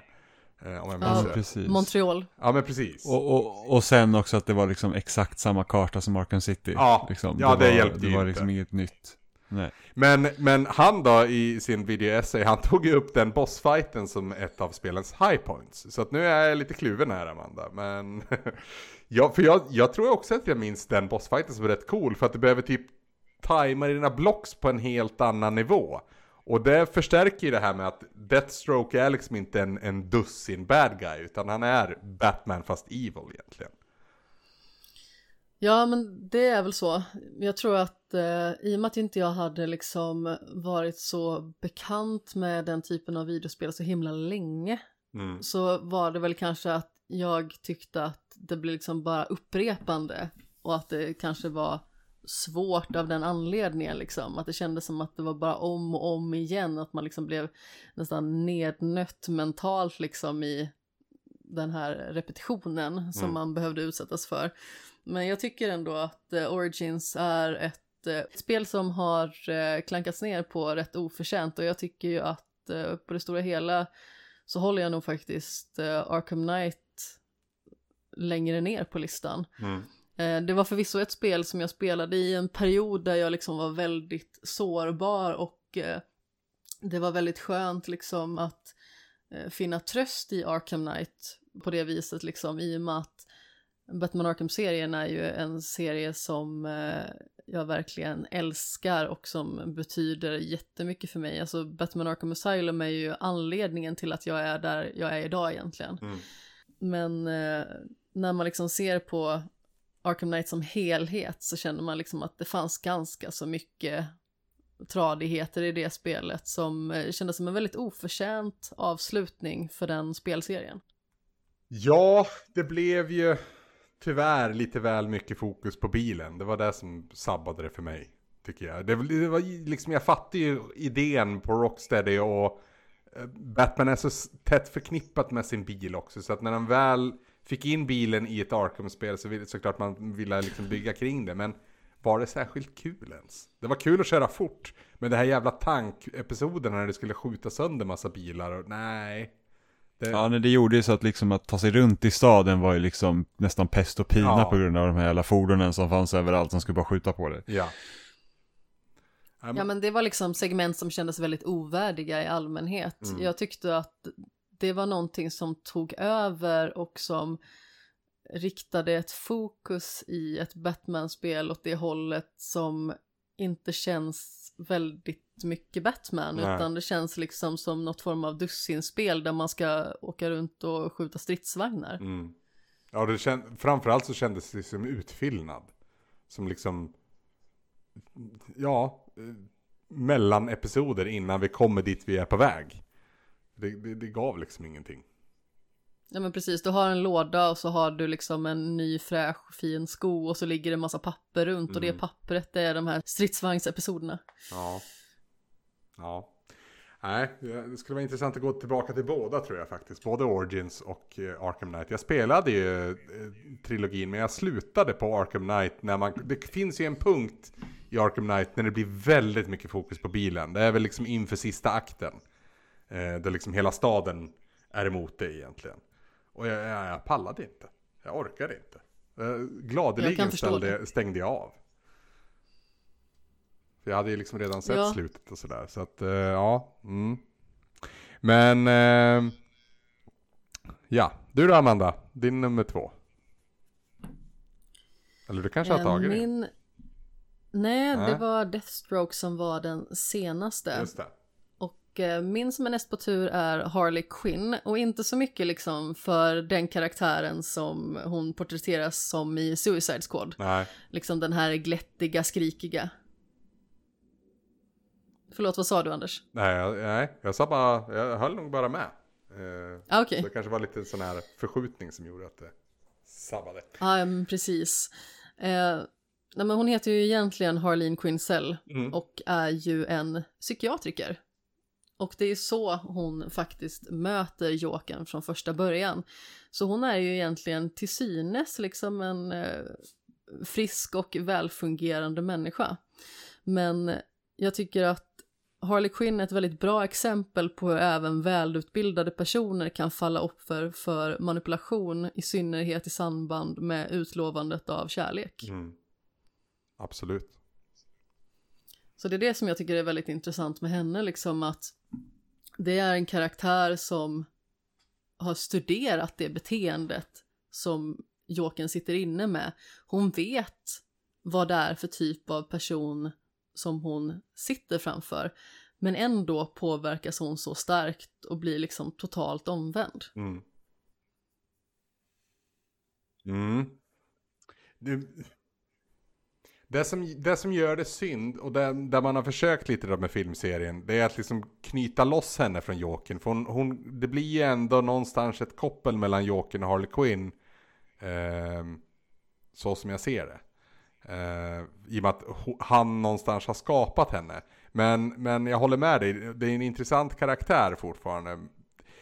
Jag, det, det, känns som att den karaktären ändå har lite mer att ge. På något vis.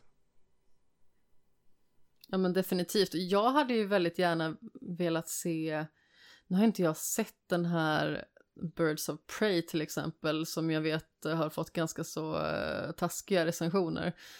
Men jag hade gärna velat se liksom en dedikerad mörk Harley Quinn-film som kanske inte nödvändigtvis just heter det, eh, men liksom där man fokuserar då på Harleen och hur hon liksom vaggas in i Jokens värld och hur han liksom transformerar henne till en superskurk trots att hon från början är en person som vill hjälpa människor som eh, lider liksom av psykiska åkommor. Mm.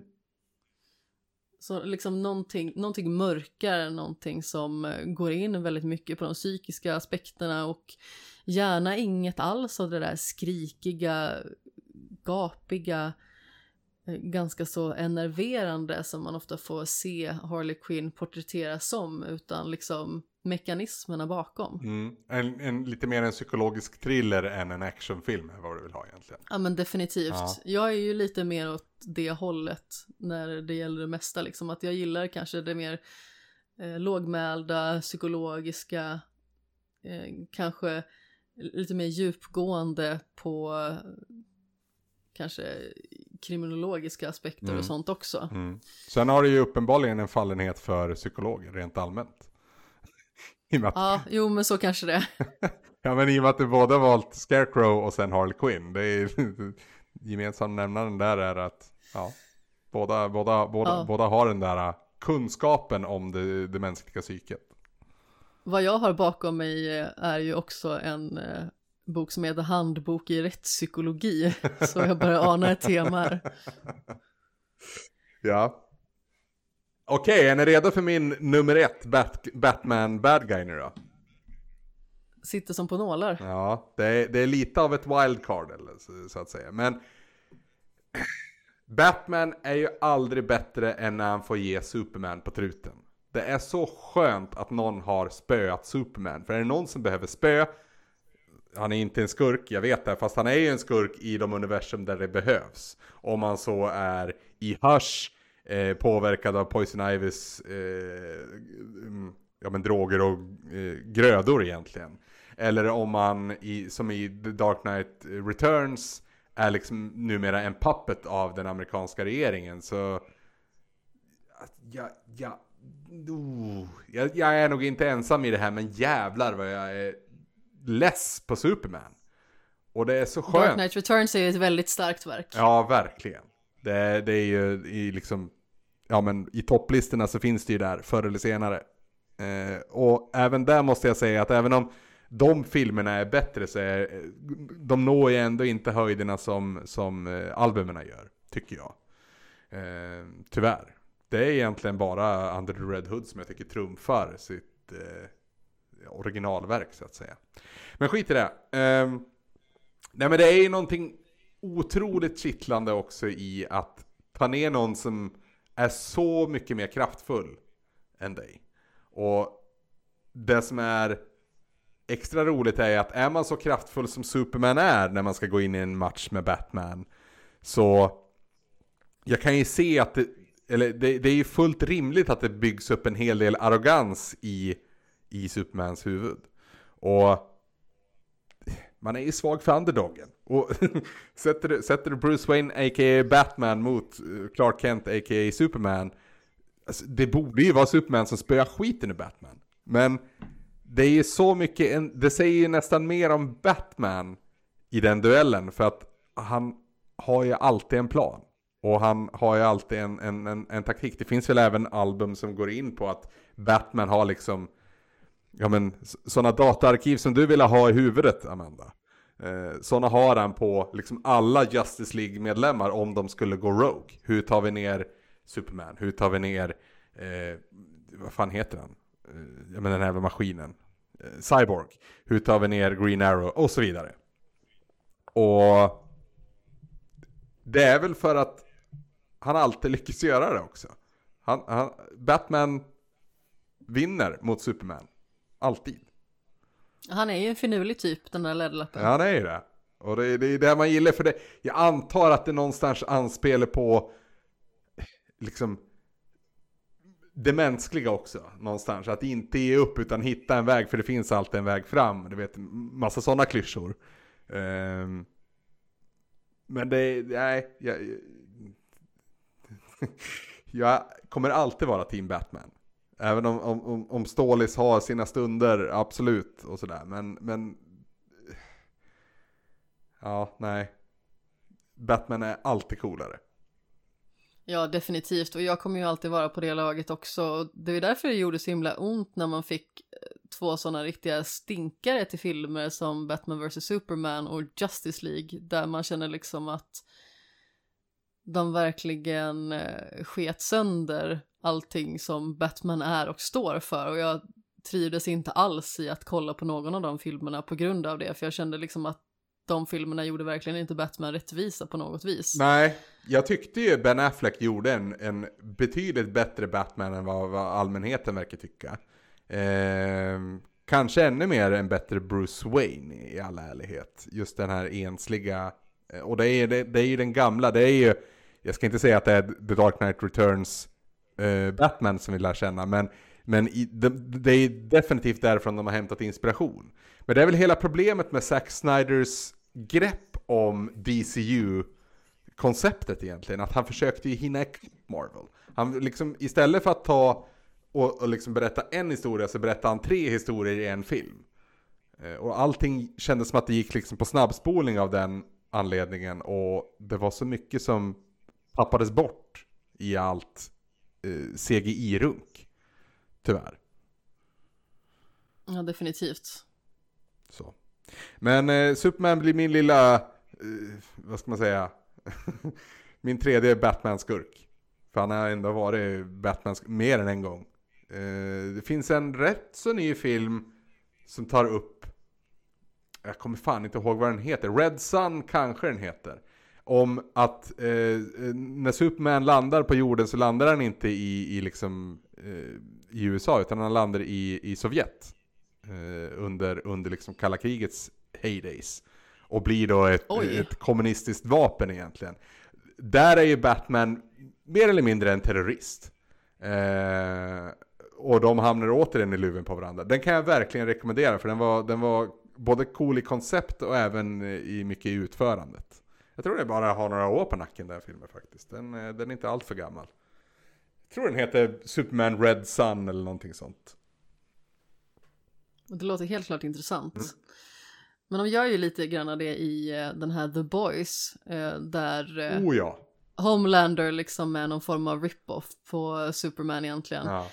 Där man verkligen ser hur det beteendet och hur att vara så övermäktig verkligen stiger någon åt huvudet totalt. Gud, ja. Och tycker att man liksom är onåbar på alla plan. Mm.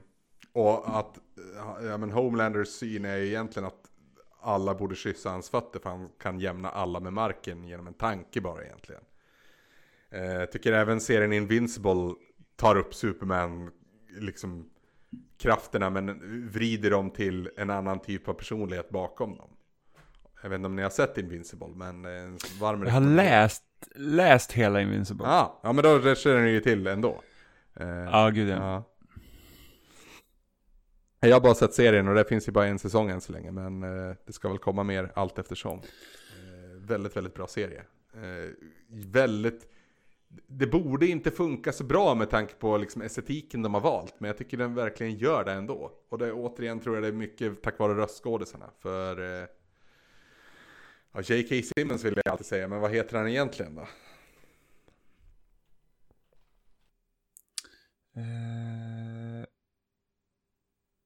Ja, han, Ja, ja men han heter J.K. Simmons. Det var, ja, det är väl J.K. Simpsons? ja men precis. Jag, jag brukar ju säga att eh, han heter Jonah. För att han heter så i Ja, filmerna. precis.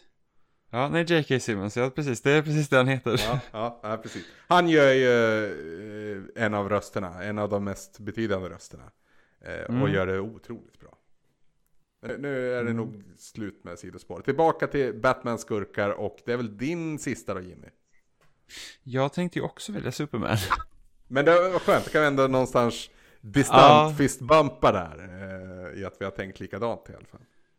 Ja men precis, Nej, men det är också det här liksom att jag gillar ju det här, det, det är egentligen jag gillar ganska mycket med serietidningar och sånt, att det finns alltid väldigt mycket omtolkningar av, av liksom kända karaktärer och att man liksom inte egentligen är rädd för att bryta liksom konventionerna, just för att det finns så många olika iterationer av dem. Och just det att Superman är någon form av skurk liksom, och sen så, alltså hur, hur tacklar man en sån? Ja, liksom entitet. Eh, och det är någonting som jag verkligen ser fram emot det här eh, Rocksteadys nästa spel, och Suicide Squad Kills the Justice League. Mm. Liksom, det, det är ju det som är spännande med det spelet, inte Suicide Squad, utan det är att man tar de här traditionella hjältarna egentligen och, och gör dem till skurkar. Och liksom, hur gör man då med de här människorna som har sådana otroliga krafter? Eh, och liksom, för, att, för att det är egentligen så egentligen med superhjältar. Det är ju så att hur, här har du liksom en person då som har Alltså sådana här krafter som det liksom, ingen kan ju stoppa dem. De, de, egentligen kan de ju göra vad de vill. De står ju helt utanför lagen och bara liksom att nej men jag gör det här bättre. Mm. för att ni inte klarar av det. Och, och det är ju inte säkert att det hamnar hos en bra person liksom. Och hur, hur, hur gör man då? Och det är det som är så spännande när man tar Superman då som egentligen på något sätt står för mä, mä, mänsklighetens goda sidor trots att han inte är en människa egentligen. Eh, och, och vad händer om en sån person egentligen är ond? Mm. Det är det som gör det spännande. Mm. Ja, definitivt. Ja, långa människor tänker likadant här ser jag. Ja, Och så går vi över till mig då som, eh, ja, jag känner att jag får vara den som tar upp lite klassiker på något vis. Eh, för min sista är ändå The Riddler. Ja. Eh, även känd som både Edward Nashton och eh, Edward Nigma som också är ett annat alias som han går under. Och det är ju liksom en skurk som med sin geniala intellektnivå spelar ett psykologiskt spel med Batman i form av att försöka mästra honom på liksom olika nya kreativa vis.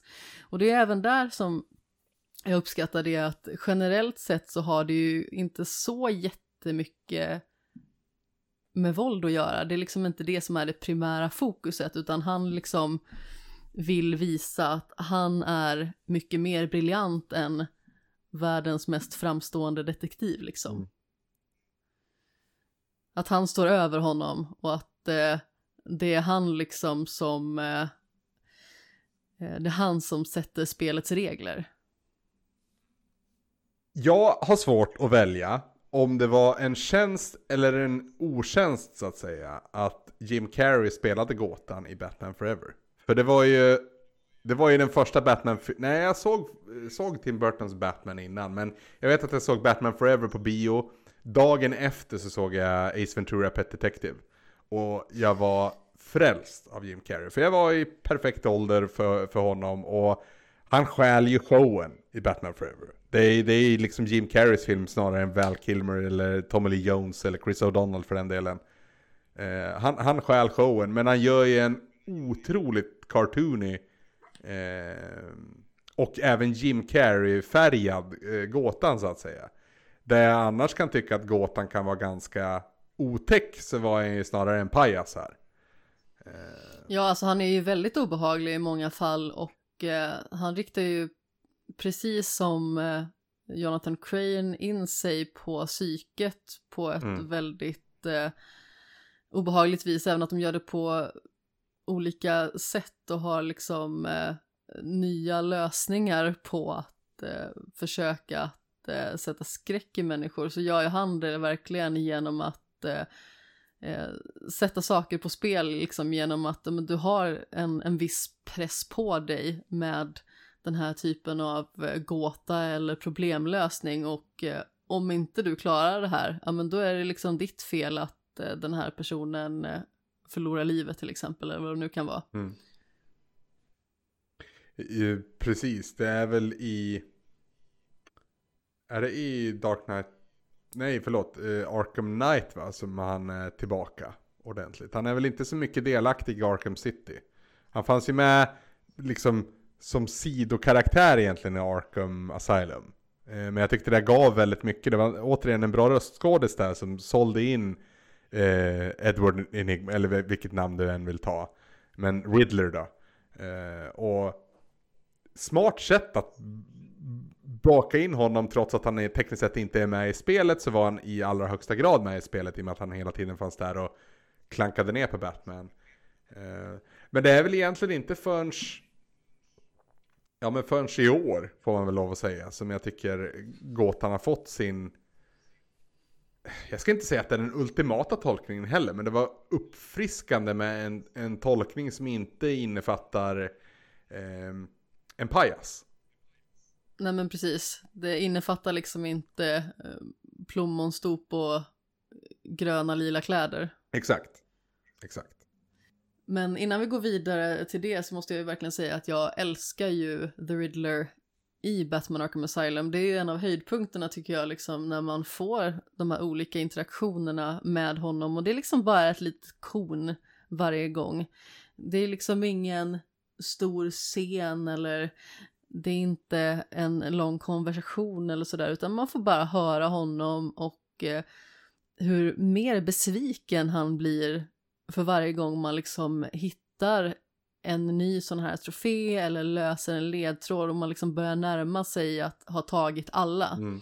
Eh, man ser verkligen hur det vänder där i att i början så är han ju liksom väldigt högfärdig och klankar ner väldigt mycket på Batman. Att ja, men, vem som helst hade kunnat hitta den där i sin bakficka mm. i stort sett. Och sen så eh, vänder ju spelet totalt liksom när man märker att okej, okay, den här personen har snart mästrat mig. Mm. Ja, eh, jag håller med. Eh, det var nästan så att jag skulle vilja att de hade stannat där och inte haft han i, i den ut... För det var väl också kopplat till bilen va? I jävla Arkham Knight. Man skulle åka i hans jävla tunnlar och göra grejer. Otroligt. Ja, det var flera pussel som var kopplade till, eh, till gåtorna. Ja. ja, och sen så tyckte jag det blev för mycket i Arkham City också. Alltså, jag kan ändå liksom se att det har någon viss relevans, men jag hade gärna sett att de hade avgränsat det till liksom ett lite mindre område, lite mer fokuserat område, mm. istället för att liksom ha det överallt. Mm. För det blir liksom att man tar Arkham Asylum som jag tycker verkligen är en perfekt avvägd upplevelse och sedan blåser man upp det till någonting gigantiskt och jag tycker liksom att på grund av den semi-öppna världen liksom som man har där så blir det liksom steget för långt. Jag gillar ju när Batman rör sig i sina trånga utrymmen liksom och i sådana små skrymslen som man bara hittar på de mest obehagliga ställena. Mm. Ja, lite Metroidvania-tjusningen försvann ju i med Arkham City och jag vet att många håller Arkham City som bäst i serien men jag är nog som dig och håller Arkham Asylum som högsta fortfarande. Det, jag skriver under på allt du sa om att det är liksom den perfekta upplevelsen i ja, men, begränsningen egentligen. Både sett till hur långt det är och omfattande det är men även liksom i geografisk yta så är det ju bara den, den lilla halvön eller vad det är nu. Eh, Arkham Asylum som, som allting utspelar sig på. Det, det, det, det var perfekt där. Ja men verkligen. Det är ju mitt favoritspel av en anledning, mm. om man säger så. Men jag tänker att med gåtan så kan vi faktiskt brygga över till dagens huvudämne och det är ju The Batman.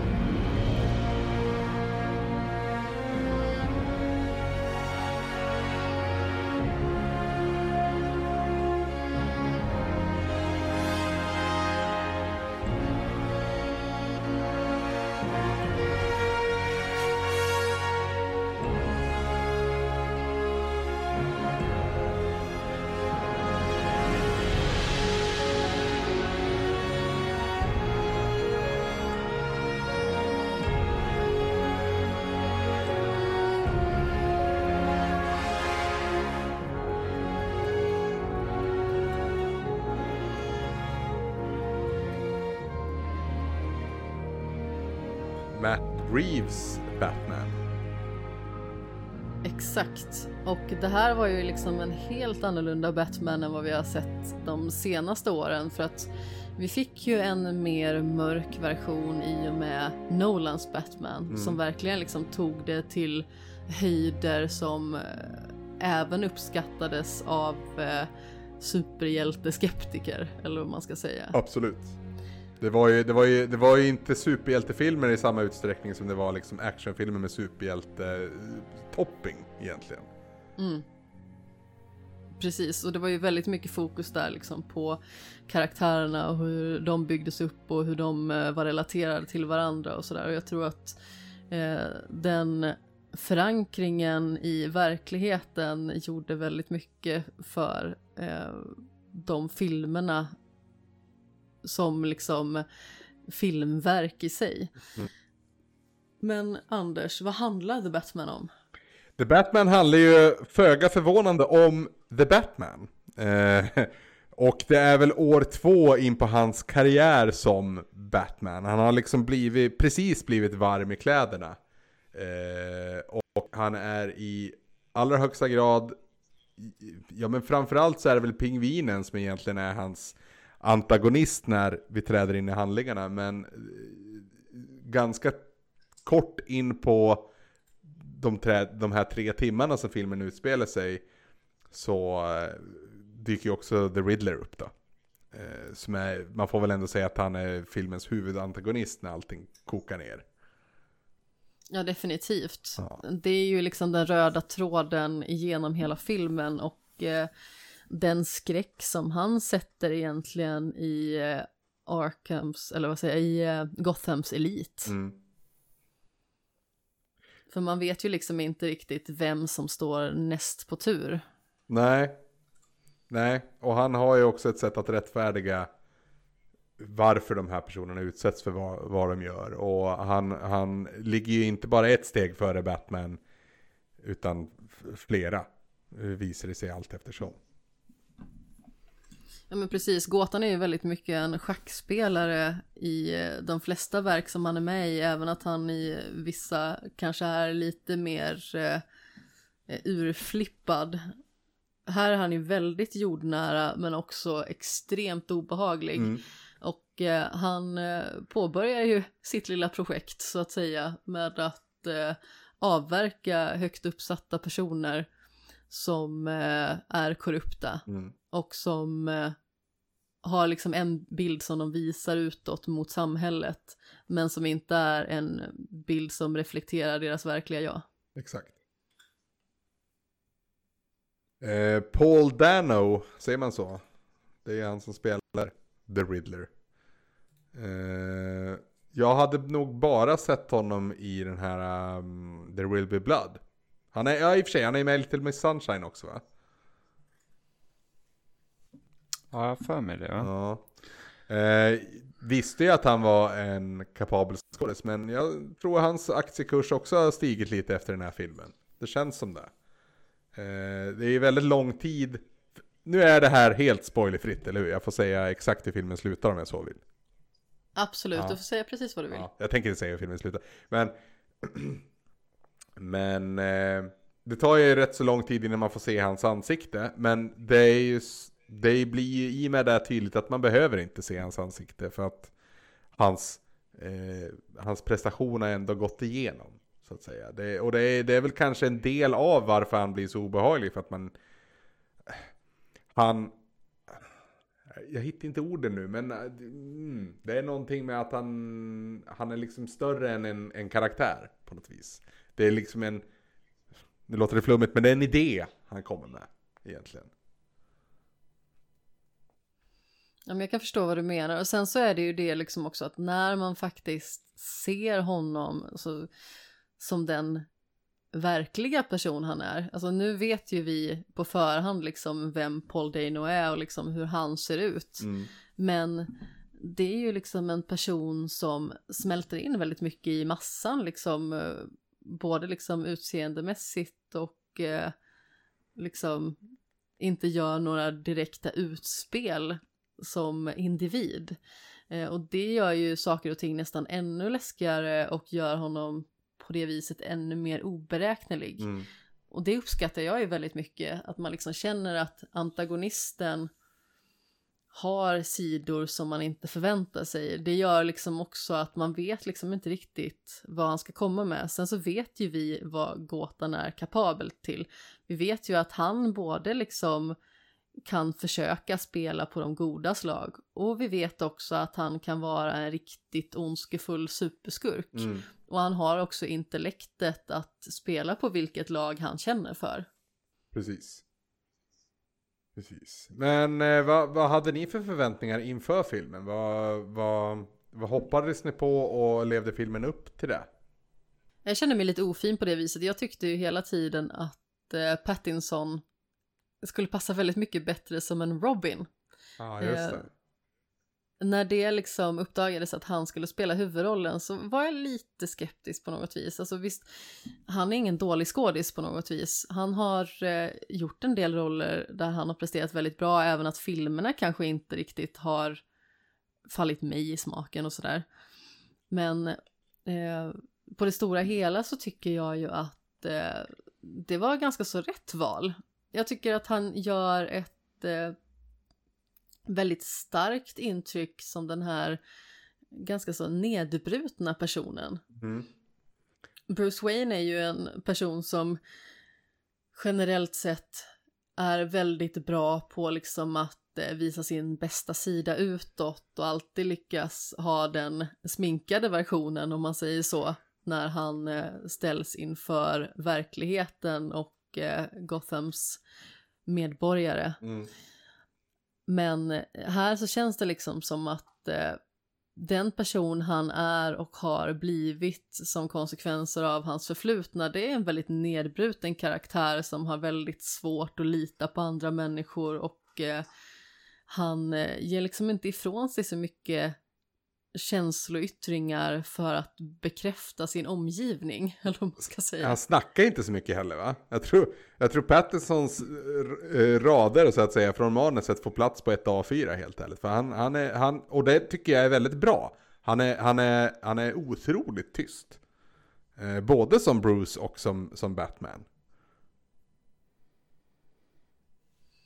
Ja, jag tycker det klär honom också. Alltså, hela den här inramningen i The Batman, det är liksom en väldigt gotisk presentation. Mm. Den är väldigt mörk, den är på många sätt väldigt jordnära, men den är liksom otroligt skitig och ruffig. Eh, Och eh, det är någonting som inte bara avspeglas i själva stan som så, men också liksom i Bruce Waynes levande. Och någonting jag uppskattar väldigt mycket med den här filmen, det är ju att vi vet ju kanske hur det ligger till med de olika positioneringarna i de högt uppsatta familjerna i Gotham. Men man gick ganska så mycket in på det här i hur korrupt det faktiskt är och att eh, The Waynes liksom är en väldigt central del i den korruptionen. Mm. Det var någonting som jag faktiskt upp, uppskattade nu när jag spelade om eh, Telltales Batman. Det är att man ser, nu vet inte jag riktigt, De tog väl sig lite friheter med det här va? För det, det, den storyn har ju aldrig berättats för. Alltså eh, eh, Wayne-legacyn egentligen. Och att, ja men exakt. att det finns ett mörker där. Det var, jag tänkte också på det när jag såg filmen, just Telltales. Eh, det är väl andra säsongen där va? Det är Enemy, Enemy Within eller någonting sånt. Ja, Enemy Within bearbetar ju ganska så mycket hur Jokern går från att vara John Doe till att vara liksom fullfjädrad Joker. Ja. Men första säsongen, där fokuserar de ju väldigt mycket på den här eh, korruptionen och Lady Arkham och ja, just det. Ja. hur det. individer har behandlats genom tiden liksom av de högt uppsatta familjerna i stan. Mm. Och jag tyckte att jag såg ganska så mycket kon av det spelet i det här. Jag vet ju inte riktigt om det har varit baserat på någon serietidning sen tidigare som liksom inte jag har bekantat mig med. Men det var flera delar som man liksom fick lite igenkänning till Mm. och som nu när det porträtterades i en spelfilm eh, kändes också väldigt uppfriskande. För jag tror att många kanske inte har stött på den Batman heller liksom. Som eh, egentligen är född in liksom i en väldigt korrupt familj. Eh, och man ser liksom också honom väldigt mycket som den här räddaren och som den naturliga räddaren och att Waynes är en väldigt viktig beståndsdel i Gotham City. Mm. Men samtidigt så har de ju kommit dit av en anledning som man kanske inte riktigt tänker på. Nej, och inte minst i, i Bruce Waynes roll då, som, som blir av med sina föräldrar alldeles, alldeles för tidigt. Och liksom, det är såklart att det blir en, en liksom, ja men en, en, en, en turbo på idoliserandet av dem. Av den anledningen också. För att minnet av dem är fortfarande så befläckat av smärta. Så att, jag, jag, jag kan verkligen se att det liksom vrider upp idoliseringen än mer. Eh, så. Mm.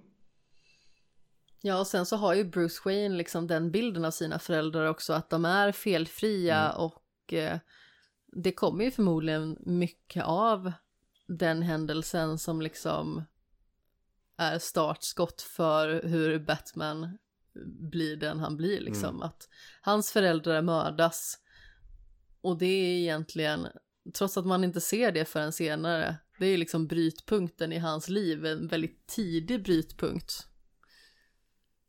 Mm. Vad tycker du Jimmy? Jag tror att den grejen jag nästan uppskattade mest med filmen, det är det eh, hur de egentligen porträtterade Gotham. Eh, att den staden får liksom vara mörk och skitig liksom, för att det, det är någonting som jag också gillade med Batman Begins. Var ju det att Gotham kändes som en egen karaktär i den filmen och Ja. sen så gick de mer och mer ifrån det i både Dark Knight och Dark Knight Rises, att det gick från den här, här liksom mer gotiska stadsmiljön till att bli liksom den här typ nästan stora metropolen med liksom eh, blanka skyskrapor och, och liksom eh, ja men liksom mer så här högteknologisk superstad nästan. Det funkar ju också Eh. i, i linje med när i Batman Begins i Batmans karriär utspelas det och i, parallellt till den här filmen, det är bara något år senare liksom. Och jag, jag tror att just, just det, hur, hur Gotham förvandlas, ska väl vara någon typ av reflektion över Batmans, eh, liksom, ja men, kvitto på vad han gör egentligen. Att han städar upp Gotham. Jag har alltid Ja, tolkat det så i alla fall. Men, men Alltså, jag vill också ha Gotham så som vi möter Gotham här. ja men det, det var en intressant tanke, för det har jag aldrig tänkt på faktiskt. Eh, men jag gillar verkligen liksom, det känns som att den här filmen liksom drar inspiration från typ filmer som Seven liksom. Ja, det är mörkt, det är skitigt och det bara regnar. Sen så mynnar ju spelet, eller filmen ut liksom i att åh, det är en superhjältefilm så vi måste ha den här stora finalen där liksom det, det, det händer mer grejer, vilket jag gärna liksom hade sett att det skulle vara lite mer lågmält egentligen, Mm. att det liksom fortsätter att det här är liksom, ja men Seven slutar inte med liksom att ett stort stadion som håller på att typ braka loss liksom, men det, det, det, det är liksom det får vara lite mer lågmält. Jag önskar att filmen hade gått åt det hållet istället. Eh, även om jag förstår liksom att det finns en viss förväntning på den här genren liksom. Mm. Absolut. Och det Eh. finns ju liksom förväntningar från fans tror jag också som kan göra att eh, skaparna tar liksom vissa beslut som kanske är lite onödiga. Jag tänker framförallt liksom på, vi pratade ju om lite diskvalificering av Jokern innan när vi gick igenom våran lista. Mm. Och det känns ju också som en sån grej som alltid måste vara med och jag tycker att det är lite synd för det är uppenbart liksom där i fängelsecellerna på slutet att det är Jokern som man sitter och pratar med. Mm.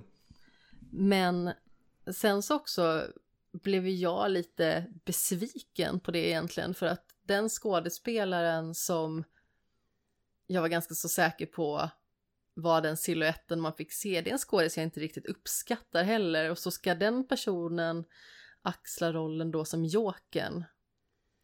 Det står ju liksom naturligtvis i listan bara att Barry Keogh tror jag att det uttalas, jag slaktar säkert hans namn fullkomligt. Eh, det är förmodligen mycket mer komplicerat att uttala det än vad jag just gjorde. Men jag känner liksom rent spontant att jag vet inte riktigt om jag vill se den Jokern plus att det känns lite gammalt att man alltid måste dra in Jokern i spelet. För att det visst det är en intressant karaktär och det är en väldigt intressant aspekt i relation till Batman för att de har ju ett förflutet och en relation som är väldigt udda. För att den ena fungerar liksom inte utan den andra egentligen, vilket man har sett i väldigt många verk. Mm. Och man ser ju det till exempel i Arkham City, vad som händer med Jokern och hur Batman reagerar på det. Mm. Um, och hur Jokern reagerar på när Batman försvinner för all del liksom i andra verk. Mm. Ja, Dark Knight Returns har vi ju lite- varit inne på. Där, där, där ser man ju en icke leende Joker. Men så fort Batman kommer tillbaka så kommer också leendet tillbaka. Ja men De exakt. är ju varandras yin yang liksom. Ja, och det är det jag tycker är lite uttjatat liksom att man måste dra in Jokern för att det liksom ska vara någon form av spänningshöjare då inför nästkommande film. För det har ju i stort sett godkänts liksom att det ska komma en uppföljare till den här, vilket inte alls är oväntat. Men jag känner också att men det är lite överflödigt, det är lite onödigt och eh, Det var ju så som sagt, den här förbannat. skådisen är inte dålig, alltså den här skådisen är inte dålig heller.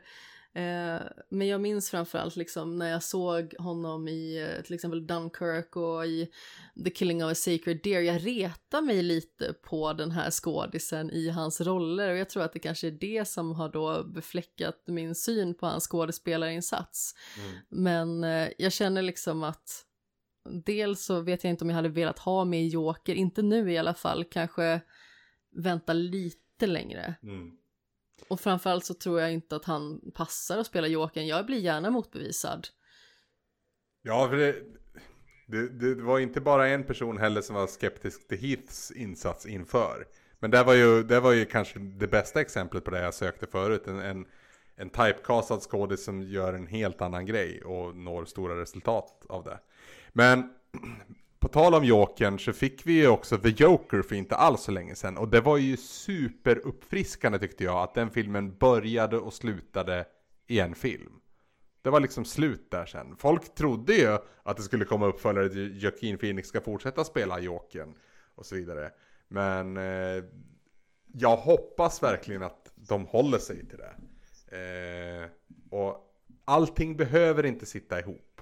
Även om, även om det verkar ge mest klirr i kassan för bolagen och sådär så, så tycker jag att det är skönt när en film får vara för sig själv. Och jag, jag som ni så blev jag lite retad på Ja men bland annat då att, att de skulle liksom nästan eh, liksom skohorna in eh, Jokern även i den här filmen. För att ja, men så, gör man en Batman-film så måste Jokern liksom ändå nämnas vad det verkar. Eh, sen så tycker jag nog också, jag håller med dig Jimmy om att eh, liksom den här eh, superhjältefinalen kändes lite... Jag vet inte vad den gav egentligen. Det känns som att den vill berätta någonting men det, i så fall förstod inte jag vad. Eh, och det var väl någonstans där också som jag liksom började snegla på vad klockan var och kände att är den här filmen inte klar snart? För den är väldigt, väldigt lång. Mm. Men jag håller med också att det, tre timmar är långt för en film. Ja, Eh, och jag tror att den hade tjänat på att liksom tajta till den lite. ja det finns ju grejer man skulle kunna klippa bort utan att det liksom förtar. Det är jag ganska övertygad om. Eh, och det, det är liksom... Det blir ju nitpicking, men jag antar att det är därför vi sitter här. Men det, det känns som att bara titta på rolllistan i den här filmen så kan jag liksom säga, men... Jag, jag gillade Pattinson både som Bruce och som, som, som Batman. Ehm, han gör ju emo-Batman, enkelt förklarat. Men, men i en stad som Gotham och i en setting som, som är Batman så tycker jag det passar att göra en emo-Batman. Jag tycker, precis som du Amanda, att Pattinson är en skådespelare som har fått alldeles för mycket skit i förhållande till de projekt han har valt att eh, gestalta och det, alltså allting kokar egentligen ner till jävla Twilight. Han, Ja men precis, han har liksom fått den eviga Twilight-stämpeln Ja, liksom. ja. Eh, vi får väl se nu om, om det här kanske kan hjälpa honom att till slut ruska av sig där. Jag är tveksam dock, men eh, vi får... Från vampyr till fladdermus. det är ju ironiskt egentligen. Men eh, ta då Zoe Kravitz istället, som jag, som jag gillar som skådis, men jag tyckte fan inte att hennes Catwoman var någonting, alltså, hmm, jag, jag älskar Catwoman, men det var inte så mycket av, av det som jag fick se i den här filmen. Det kändes mer som att hon var där för att ge Batman en kompis. För är det någonting som... Och ett romantiskt intresse Ja, naturligtvis. ja, ja, ja såklart, såklart. Eh, men... Hon var lite som Harley, mitt problem med Harley Quinn som jag nämnde tidigare. Att, att kan hon inte få vara med sin egen karaktär? Måste hon, måste hon vara liksom en, en, en, en beståndsdel för Batman? För det är lite där hon blir. För att är det någonting som, som Bruce och, och Batman är i den här filmen så är jag isolerad. Och det är liksom, jag antar att en del av tematiken i liksom filmen som helhet är att Bruce ska liksom öppna upp för att ta hjälp och inte vara liksom ensam och stark hela tiden. Men jag, jag, jag vet inte om de hamrar in den poängen riktigt hela vägen eller om jag bara misstolkat det. Men, men nej, jag, jag gillade inte Zoe Kravitz tolkning av Catwoman. Jag gillade Colin Farrell jättemycket. Och Paul Dano jättemycket. Men Andy Serkis som Alfred, nej, jag vet inte. Jag vet inte. Jag tycker ändå att jag överraskades över hur sympatisk och trivsam han var som Alfred ändå. Han kändes liksom väldigt lätt att tycka om. Det är ju det som är en väldigt viktig beståndsdel i Alfred. Det är ju liksom att det är en person som är omhändertagande och som framförallt Bruce hänger upp sin tillvaro väldigt mycket på. Liksom, det är ju den enda personen han egentligen har kvar. Mm. Så det är väldigt viktigt att uppskatta Alfred, tycker jag, liksom i alla lägen. Så jag tycker ändå att Andy Serkis gjorde ett ganska så bra jobb med att få en att bry sig om honom. Men eh, eh, det är ju liksom ganska så svårt att ose Gollum liksom. Ja. ja, det är ju dels det. Men sen tror jag också att alltså, Michael Caine har gjort Alfred. Och han har gjort det liksom till perfektion. Och därför kan inte jag Ja, se, verkligen. jag kan liksom inte se, det hade samma problem med Batman v Superman. Jag kan liksom inte se en Alfred som är så mycket yngre. Han, må, han måste liksom vara Michael Caine gammal för att jag ska köpa att det är Alfred ens. Men, Ja, men sen så, jag tycker ju att Jeffrey Wright är en jättebra skådis. Han är oerhört kompetent och han gjorde en liksom bra rollprestation. Men jag kan liksom inte få ur Gary Oldmans nej, lite Eh, samma sak där faktiskt. James Gordon ur mitt huvud för att det var liksom verkligen perfektion tyckte jag. Alltså, han ser ut, för sig och beter sig precis som man förväntar sig att Gordon ska göra. Ja. ja, verkligen. Så det är väldigt svårt att radera den upplevelsen liksom ur sitt huvud och då liksom ersätta det med någon annan då. Eh, Får jag säga en sak till som jag inte gillar? självklart kör vi inte. För genom alla filmer om Batman så är ju hans eh, bil jätteviktig. Och jag vet vilket snack det blev av The Tumbler i Batman Begins. Över att den liksom hade inte den här slika, stältiga känslan. Den såg inte ut att köra särskilt fort utan det var snarare en tank. Och så. Men jag gillade den för det såg ut som att en tank hade parat sig med en Lamborghini. Och det känns som att i, i det universumet så var det en Batmobil i allra högsta grad. Här är det ju bara en jävla muskelbil. Det är inte ens en Batmobil. Och jag, jag kan acceptera det om det är så att Batmobilen inte har byggts än. Utan det här är liksom hans privata bil som han har pimpat lite grann.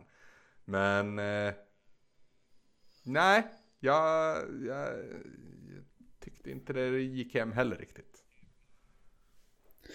Jag kan inte sluta riktigt tänka på den här Tumblr slash Lamborghini korsningen som någonstans har en snyggare brorsa eller någonting sånt vid sidan om. Nej. eh, jag har faktiskt ingenting emot egentligen bilen som så. Jag, jag tyckte det, det gav en rätt så bra eh, jaktscen faktiskt ja, i filmen. Jo men det gör det ju. Den, den var ju fruktansvärt snygg, måste jag säga. Mm. Eh, hur den var uppsatt. Ja, snygg är ju den här filmen all over the place. Alltså Ja, det- fotot är ju magnifikt och jag menar eh, liksom, ja men kostym och allting. Alltså, vi har inte ens pratat om hur Colin Farrell ser ut i den här jävla filmen. Att det ens är Colin Farrell är helt jävla bananas. Men... Eh, Nej, det går liksom inte att se. nej, Han är helt oigenkännlig verkligen. Alltså även om man vet om att det är Colin Farrell så man liksom försöker sig bara, "Ah, men kan man se det på ögonen? Nej. man får kisa Det- det- jättehårt. Och- och Ja, ha- ha- kanske ta, ta, ta en sån här eh, Red Bull-jäger så kanske man kan se det. Med extra mycket lime. Ja, Ja. Kanske. Så det börjar knorra sig liksom i näshåren. Mm. Nej men alltså det jag framförallt kände med pingvinen som jag tycker är väldigt synd, det är att han inte hade en eh, brittisk accent. Ja, Cobblepot ska ju vara britt. Det, det är ju så. Ja, men jag kände liksom att den här eh, nästan New York-italienaren som det blev Mm.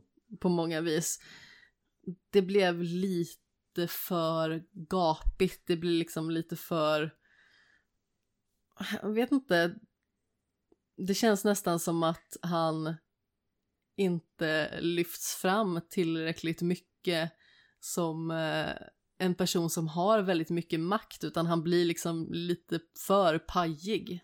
Fast jag tycker nog inte pingvinen någon gång ska ha särskilt mycket makt. För att han är ju liksom en... Han är, han är egentligen, som jag ser det, inget märkvärdigt. Eh, utan han är bara högst upp i sin food chain så att säga. Eh, sen är han fortfarande en karaktär i allra högsta grad. Och det, det får man ju till här också. För jag, i, i över, dialekten till trots så, så gillar jag pingvinen i den här filmen. Och, men, men det är, it makes sense att inte ha han som en huvudprotagonist. För att det finns inte så mycket där att göra om man inte gör som Tim Burton gjorde då. Och gör han till en faktisk pingvin som bor i kloakerna. Men det, det, det, det är Tim Burtons spår. Det får han gå på. Ja, där tar man ju liksom besynnerligheten till en helt ny nivå. Ja. Men alltså jag tycker ju att Colin Farrell gör ju ett eh, fantastiskt bra jobb och det är ju en skådespelare som eh, har väldigt stor bredd. Mm. Verkligen. Verkligen. Måste bara säga att jag älskar ju In Bruges, alltså nu är ju inte det en eh, film där han gör en roll som är alltså särskilt säregen, men han gör en väldigt bra rollprestation i den och hela den filmen är ju makalös bara. Där är ju i och för sig Ralph Fiennes kanske som har gjort en av sina Ja. bästa roller i den. det är framförallt han jag tänker på. När jag tänker på Colin Farrell och tidiga filmer med honom. Så glömmer jag alltid bort att det är han som har huvudrollen i Phone Booth om ni kommer ihåg den filmen. Ja. Det, det, det, det glömmer man bort emellanåt. Och Bullseye i Daredevil. Ja, just ja. Ja, det var, det, var, det var ingen höjdare. Det var ingen höjdare alls. Jag älskade den filmen när jag var liten. Ja, där gick vi in på lite stinky territorium faktiskt. Ja, ja, men det, jag, jag har inte sett den sen jag typ var 12 heller, Oj men jag kommer ihåg att jag tyckte att den var, den var, jag tyckte den var bra då i alla fall. Ja. Ja. Så jag är ett stort fan av Evanescence också, de var ju med i filmen, Ja, så att det var liksom plus i kanten. Mm, mm. Eh, om du vill behålla dina, dina varma, fluffiga känslor kring den här filmen så ska du nog inte se den igen. Det tror inte jag heller, jag tror att den är faktiskt fruktansvärt dålig. Jättedålig Kingpin har de också. Usel Kingpin. Ja, Eh, så. ja det är inte som eh, Ja, Netflix-serien. det, åh. Då snackar vi Kingpin, jävlar. Det var ju, det var ju Ja, främsta behållningen med jävla Daredevil-serien var ju han. Ja, nu föll vi ur spår igen. Det har varit temat ikväll tror jag. Ehm, men hur... Mm. Jag var ju lite förvånad. Det känns som att Matt Reeves har gjort fler filmer än vad han faktiskt har gjort som regissör i alla fall. För det, det enda jag liksom visste att han hade regisserat var ju de två sista Apes-filmerna där. Eh, som jag tyckte var väldigt, väldigt bra. Eh, och sen Cloverfield. Det var liksom de jag kände till. Och det är inte så jävla mycket mer nu när jag sitter och tittar på hans IMDB. Alltså... Eh, ska vi se. The Batman är ju där. Han gjorde ju, just han gjorde ju den där uh, Let Me In. Eh, amerikanska versionen av Låt den rätte komma in va? Just ja, ja precis. den hade jag förträngt existerade. Ja. Har jag nog inte sett. Men eh, Cloverfield minns jag som väldigt, väldigt bra. Och som sagt, eh, Apes-filmerna där tycker jag är toppen. Faktiskt. Grovt underskattad om du frågar mig. Jag vet många som håller dem ändå rätt högt, Mm. som eh, har sagt att jag borde se dem. Mm. Det borde du. Det, det, då får du ju mer eh, Andy Serkis också. Ja, men precis. Gollum-apa. Precis. Exakt. Eh, Vad har vi liksom för förväntningar på en eh, ny film? Alltså en eh, fortsättning. ja.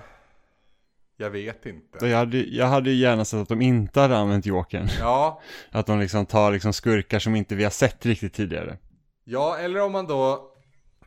Det, det, det är ju liksom ett jävla moment 22 med Jokern. För att det är, så, det är flera ikoniska tolkningar nu. Vi tar Jack Nicholson, vi tar Heath Ledger, vi tar Joaquin Phoenix. Så alla har liksom fört sin version av Jokern till bordet. Och alla med rätt tycker jag. Alltså jag tycker det måste finnas plats för Jack Nicholsons tolkning av Jokern också. Även om den är väldigt speciell och Burtonesk. Så, så för tiden inte minst. Men även i the long run så tycker jag den, har, den bär vatten så att säga. Men finns det plats för en fjärde kring det här bordet? Är min fråga då inför fortsättningen. Och det vore ju toppen om det kan komma in en skådis och göra Jokern igen. För det verkar ju vara lite av en skådespelardröm. Alltså att få, att få göra, det är en otroligt ikonisk roll att gestalta. Men det är en sak att ha liksom som, som, som att, att vilja göra, lite som man gör med Riddler här. Att man, man, man eh, plockar bort vissa grejer, förvrider andra grejer så att det blir en, det blir karaktären men med, lite, med liksom ganska mycket twist.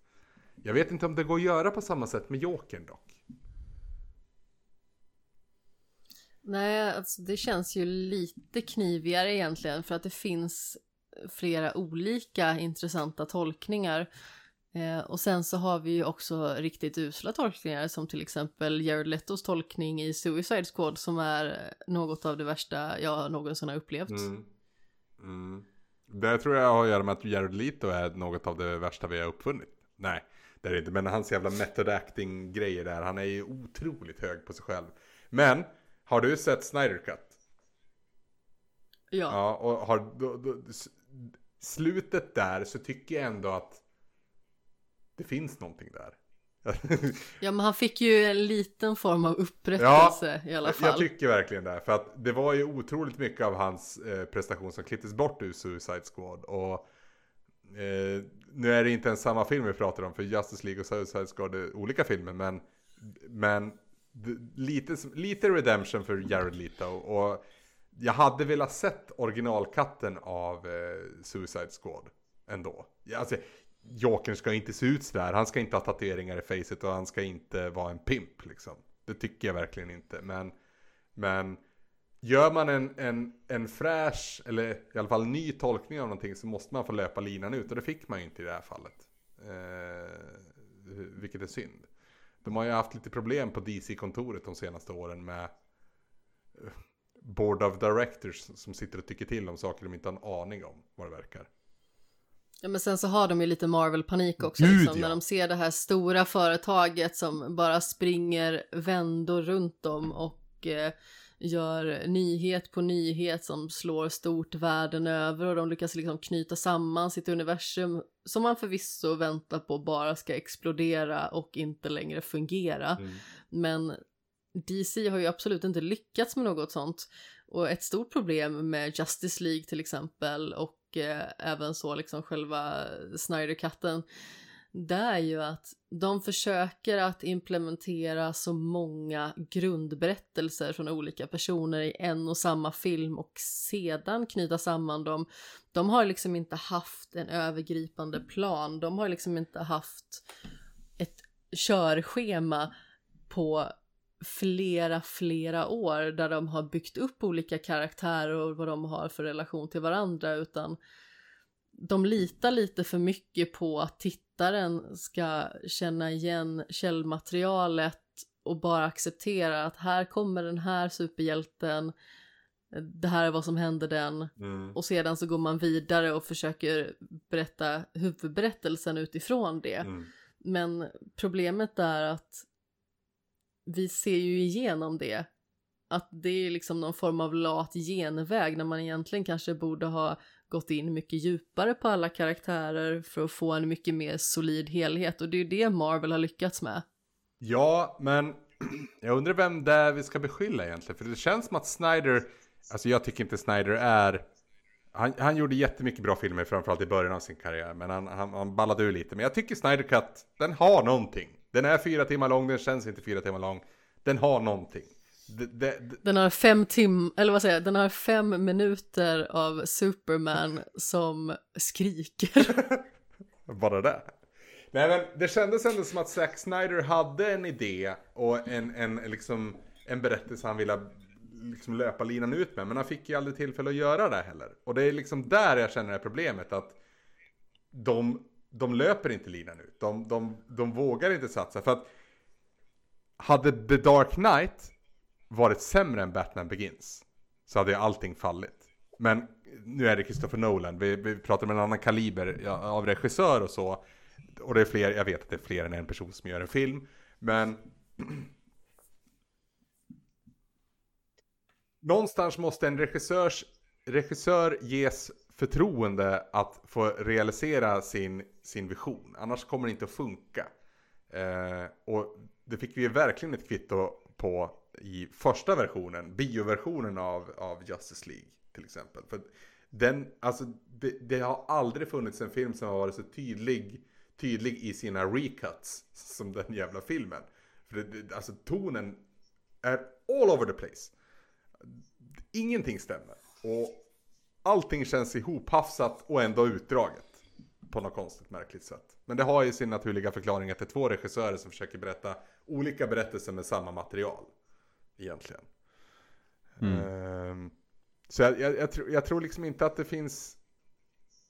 Man kan inte beskylla Snyder för det heller. För att han liksom fick ju mattan undandragen under sig i en ganska tragisk period i hans liv också. Så att det är nog det där jävla Warner Brothers-bordet av säkert lite överviktiga, säkert lite korthåriga äldre män som vill tjäna pengar. De vill tjäna Marvel-pengar och försöker hitta genvägen dit. Ja, ja, men definitivt. Och jag är ju ganska så nöjd med att mina ögon har skonats ifrån den första versionen av filmen. Jag har ju bara sett Snyder Cut. Okej, okay. ja, då, då, då är för... Eh, eh, eh, jag ska inte säga att det var en del av behållningen, men det är så fascinerande hur samma film kan ha, ha så helt olika i både ton, innehåll och liksom, ja men känsla rakt igenom. För Ja men som sagt, Justice League Snyder Cut är fyra timmar lång. Men den känns ändå mer effektiv än vad bioversionen eh, gör. Och ja, jag vet inte. Ja, det ska ju definitivt inte gå tillbaka och se bioversionen av Justice League, det tycker jag inte. Men, men det, var, det var fascinerande för min egen del att se den och tänka att den här filmen har jag sett förr, men det hade jag ju inte. För det är, det är ju liksom inte ens samma film. Det går inte, det går inte att klassa det som samma film. Alltså bara Snyder Cut i sig såg jag ju lite i studiesyfte för det var ju en film som jag absolut inte hade planerat att se utan det var ju liksom jag, Jimmy och vår kompis Oliver som bara ja ah, men vi kanske borde se den här tillsammans när den släppts mm. och så gjorde vi det och pratade om den i lite podd. Just det. Ja, nej, jag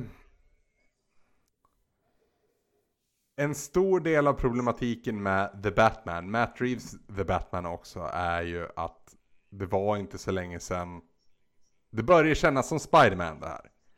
Att det är okej okay att relauncha en karaktär och börja om berättelsen och med, med liksom en annan vinkel, absolut.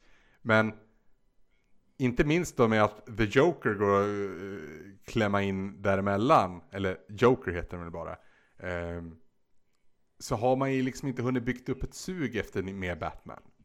För, alltså, vi har ju, nu, nu, nu gissar jag, men det känns som att under de senaste tio åren så har vi fått åtminstone sex Batman-filmer. Jag skulle nog vilja hävda att det är fler också, men eh, jag, eh, nu, nu är det verkligen från höften. Det har, det har varit väldigt, väldigt mycket Batman på biodukarna. Och det, det är klart det är en populär karaktär, jag fattar det, men men eh, det kan lätt bli för mycket. Ja men precis, och alla vill liksom ha sin beskärda del av fladdermuskakan eller vad man ska säga. Mm. Och då blir det liksom att man bara försöker att eh, kapitalisera på att det är en populär karaktär. Och nu tycker jag ju att The Batman är en väldigt bra film. Mm. Eh, till skillnad från eh, till exempel Batman vs Superman eller Justice League som var eh, riktiga eh, glädjedödare. Sen så var ju Joker en eh, fenomenalt bra film också. Så det finns ju liksom undantag, men det känns som att det blir liksom att man urvattnar karaktären lite för mycket Mm. med alla de här olika tolkningarna. Och visst, vi köper ju det. Vi går ju och ser det här för att vi vill ha det och vi kan inte hålla oss, vi kan inte låta bli. Men eh, samtidigt känns det som att eh, det kommer liksom lite för mycket och lite för ofta. Mm. Mm, Jag, ja, det behöver vara ett par, tre år innan nästa Batman-film i alla fall. För att jag ska liksom hinna bli sugen. Men ja, gissningsvis är väl redan manuskriptet skrivet. Tyvärr. Det, Ja, och sen så kommer det ju komma en eh, pingvinavstickare där ja, också. just ja. På HBO. Just det ja. Det ser jag ju dock fram emot. Men det är mycket Colin Farrells eh, förtjänst. Ja men definitivt. Ska bli spännande att se vad de kan göra med den och vad de liksom väljer att lyfta fram. Jag vet ju att Tobbe till exempel tyckte ju väldigt mycket om eh, Gotham-serien. Mm. Oh, Men eh, ja, jag hoppade av tåget Den var där ganska så tidigt. den var väldigt mycket B. Jag tror den st- största behållningen med den serien, det var absolut eh, han som spelade den unga pingvinen. Han gjorde en otroligt bra Ja, tolkning. men det men- var lite den jag tänkte Ja. på liksom för att eh, det är ju en väldigt obehaglig ung pingvin som man får bevittna. Mm. Ja men precis, men resten av, det var väldigt mycket CW-osande om den liksom. Ja, det- det- det ju kändes liksom som en- inte kändes som en, se eh, förbi eh, han, eh, den här skådespelaren som spelar eh, den unge Gordon liksom, som eh, också har en huvudroll i OC. Ja, precis. Ja, Ja, precis. men han, han, han, var också liksom helt okej, men det pr- stora problemet med Gotham var ju det att skurkarna var ju redan skurkar. Vi skulle se dem bli skurkar, men de var redan där. Okej. Så det är liksom bara så att, okej, var liksom så här, du har Riddler, men han är redan liksom den värsta mördaren liksom. Han typ dödar flera stycken redan i de första avsnitten, och man så bara, okej, men hur ska vi se honom bli Riddler då, när han redan är Riddler, egentligen? Mm. Eh, så att, ja, den, den var lite märklig, men, eh, men, eh, ja, han som spelar pingvinen var grym. Känns ju lite som ju den, den den. generationen Smallville. Lite grann. Nu älskar jag Smallville. Ja, men, men... Men, det finns ju en pajighet i det. ja, men lite så faktiskt. Eh, Har vi något mer att tillägga om eh, The Batman? Mm.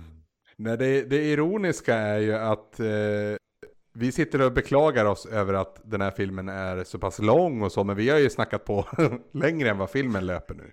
Eh, så jag tror Ja att jag precis. tömt ur mig det, det, jag, det jag känner för ikväll i alla fall. Sen kommer det säkert ploppa upp saker senare ikväll eller imorgon eller längre fram. Så här, det här borde jag ha sagt, men det, det, det, det, så är livet som poddare. Ja men precis, du får skriva upp det så får du ta upp det i punktformat nästa gång du kommer och hälsa på. Men det är väldigt fint ändå för det känns ju som att cirkeln sluts lite grann för att när jag började lyssna på podcast då var det ju med Play before you die och eh, Batman Arkham Asylum var ju liksom ett speltips som jag fick den vägen och jag har ju liksom gillat Batman redan innan och det väckte ju mitt spelintresse på nytt. Så det är ju väldigt poetiskt och fint att eh, du som var med i Batman Arkham Asylum avsnittet liksom kommer att göra en påhälsning när vi återigen bearbetar just Batman. Ja, just det. Ja, det, var, det, var, det var fint. En, en cirkel som slöts där, ja. Det gillar vi. Jag hade ju inte varit speciellt aktiv som tv-spelare tidigare utan jag har ju liksom haft mina perioder där jag framförallt har spelat vissa spel väldigt mycket men där fick det liksom någon form av spark i röven effekt att jag spelade Batman Arkham Asylum och var helt hänförd av det här spelet som faktiskt redan var några år gammalt Mm. och bara kände att jag visste inte att videospel kunde göra någonting så här slående. Så jag var så himla imponerad av eh, hur hela det spelet var uppbyggt och sen så köpte jag ju liksom Arkham City direkt efter det och sen så har det liksom bara rullat på därifrån. Så det är lite din origin story kopplat till Batman. Ja, definitivt. Alltså som sagt, jag gillar ju Batman eh, redan sedan innan och eh, har ju konsumerat hyfsat mycket av eh, Läderlappen genom mina dagar. Men eh, när jag då liksom fick nys om att det fanns ett spel som såg så pass fascinerande ut som det gjorde och att jag satte tänderna i det sedan liksom, det är ju faktiskt livsförändrande egentligen för min del för att hade jag inte börjat rikta in mig i spelsvängen då hade jag ju inte träffat majoriteten av de vänner som jag har idag. Jag hade inte träffat Jimmy Nej. för den delen. Så det är ju liksom en väg som jag har vandrat från den punkten som verkligen eh, har förändrat mitt liv för evigt. Då är ju den, den ultimata sista frågan där om det är en förändring till det bättre eller till det sämre.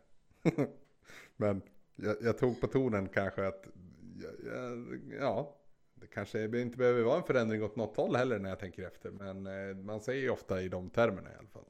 Ja, det är definitivt Får du hålla tungan rätt i mun. Nej men jag hade ju tidigare liksom varit väldigt inriktad på andra saker men det ändrade ju liksom mitt liv så att jag blev nyfiken på nytt skulle jag vilja säga. Mm. Framförallt på spelupplevelser men det gjorde mig även ännu mer intresserad av tv-serier och film på nytt. För tidigare så var jag en sån person som var ganska så bekväm med att se gamla saker och eh, jag hade så mycket fokus på annat att jag kände att jag behövde liksom inte engagera mig i nyare upplevelser. Eller sådär, jag behövde inte riktigt hänga med i svängen men det väckte något form av eh, populärkultur, allmänintresse i mig. Mm. Mm. Härligt när man kommer till en sån stund tycker jag. Det var länge sedan nu. Definitivt. Men vart finner man dig för någonstans Anders, till vardags? Eh, till vardags hittar man mig i Gävle, men jag tror du, du tänker väl på svampriket.se antar jag. Eh, Ja men precis. yes. det, det, Det blir lite obehagligt om någon kommer och knackar på dörren. ja, det är ingenting jag rekommenderar. Det har faktiskt, det har faktiskt hänt. Det är ingenting jag rekommenderar. Är det sant? Ja, det det har hänt. Eh, det ska vi inte gå in mer på. Men nej, till vardags så huserar jag på svampriket.se i eh, varierad oregelbunden regelbundenhet. Eh, Så kan man väl summera det. Nej men eh, jag är med på något hörn någonstans och gör lite grejer och så. Jag behöver säkert göra mer grejer egentligen. Men, men eh, så är det nu. Eh, Så vill man höra mig mer så är det väl primärt Svamppodd som man ska lyssna på. Där vi varje vecka pratar om spelen vi har spelat och mycket annat också. Ja men exakt och ni släpper ju era nya avsnitt på onsdagar, inte sant? Det stämmer. Det var hård konkurrens om onsdagarna. Ja men definitivt. Vi har, ju- vi har, det gör ju vi ju, också i spelsnack. vi har ju bytt dagar ett, ett par gånger där. Eh, Vi hade tisdag som en grej väldigt, väldigt länge. Sen vill jag minnas att vi också var inne på någon annan dag kort innan vi landade på onsdagen nu. Så att vi kanske måste flytta på oss då, Jim, om du vill ha onsdagen så, så väldigt. Vi, Ja, vi, ja, vi har ju kört stadiga lillördagar nu i tio års tid. ja, det, så- ja, du ser. Nej, det, det här må, Om det, inte jag missminner mig så var Svamppodd ett tag på torsdagar Ja också. men visst var det det. Jag har också minne av det. Men eh, ja, nej. Vi kanske får plats båda två också. Vi kan väl hoppas på det i alla fall. Det tycker jag definitivt. Mm. Det är någon form av eh, spelsfärsvärme som eh, infinner sig på alla podcastappar på onsdagar. Ja, men det är den perfekta tiden. Så spelar man in på söndag och sen har man liksom två dagar på sig att fixa avsnittet Mm. och sen kan man släppa på Jag onsdag. tror även Speljuntan släpper avsnitt på onsdagar också. Mm. Så det är en förtjusande trio, Ja. minst sagt. Men Skämshögen släpper ju avsnitt betydligt mer sporadiskt och siktar ju på att släppa avsnitt i alla fall en gång i månaden. Och eh, Skämshögen hittar man ju på sociala medier i form av Skämshogen om man vill gå in på Twitter och Instagram och följa där eller för all del på Facebook om man vill få de senaste uppdateringarna eller kanske besvara frågor alternativt eh, kommentera och dylikt. Jimmy, var hittar man dig för någonstans? Eh, jag skriver om spel på loading.se och jag poddar då i, som sagt i spelsnack som ni hittar i, ja, era podcastappar. Och jag skriver också om spel på loading, jag poddar i spelsnack och eh, min recension av Triangle Strategy tror jag till och med har kommit ut på loading i talande stund, så den får man jättegärna läsa om man är sugen på det. Men eh, vi ses ju så snart som på fredag, Anders. Ja, precis. Precis. Äntligen är det dags igen. Äntligen är det dags igen. Det ska bli jäkligt härligt. Jag åker dit redan på torsdag, men du kommer på fredag alltså? Ja, men precis. Den gode Tobbe kommer och plockar upp mig i Alingsås Ja. och sen så färdas vi på eftermiddagen där på Ja, fredagen. härligt. Härligt. Jajamän. Mm. Men du får sköta om det Anders så hoppas jag att vi hörs väldigt snart igen i poddform. Absolut. Tack så mycket för att jag fick vara med. Tack så mycket själv. Och eh, kära lyssnare, vi hörs eh, förmodligen nästa månad igen om det inte smyger in sig ett litet Kapten Stens rymdäventyr där någonstans. Puss i ljumsken! Hej då! Hej då!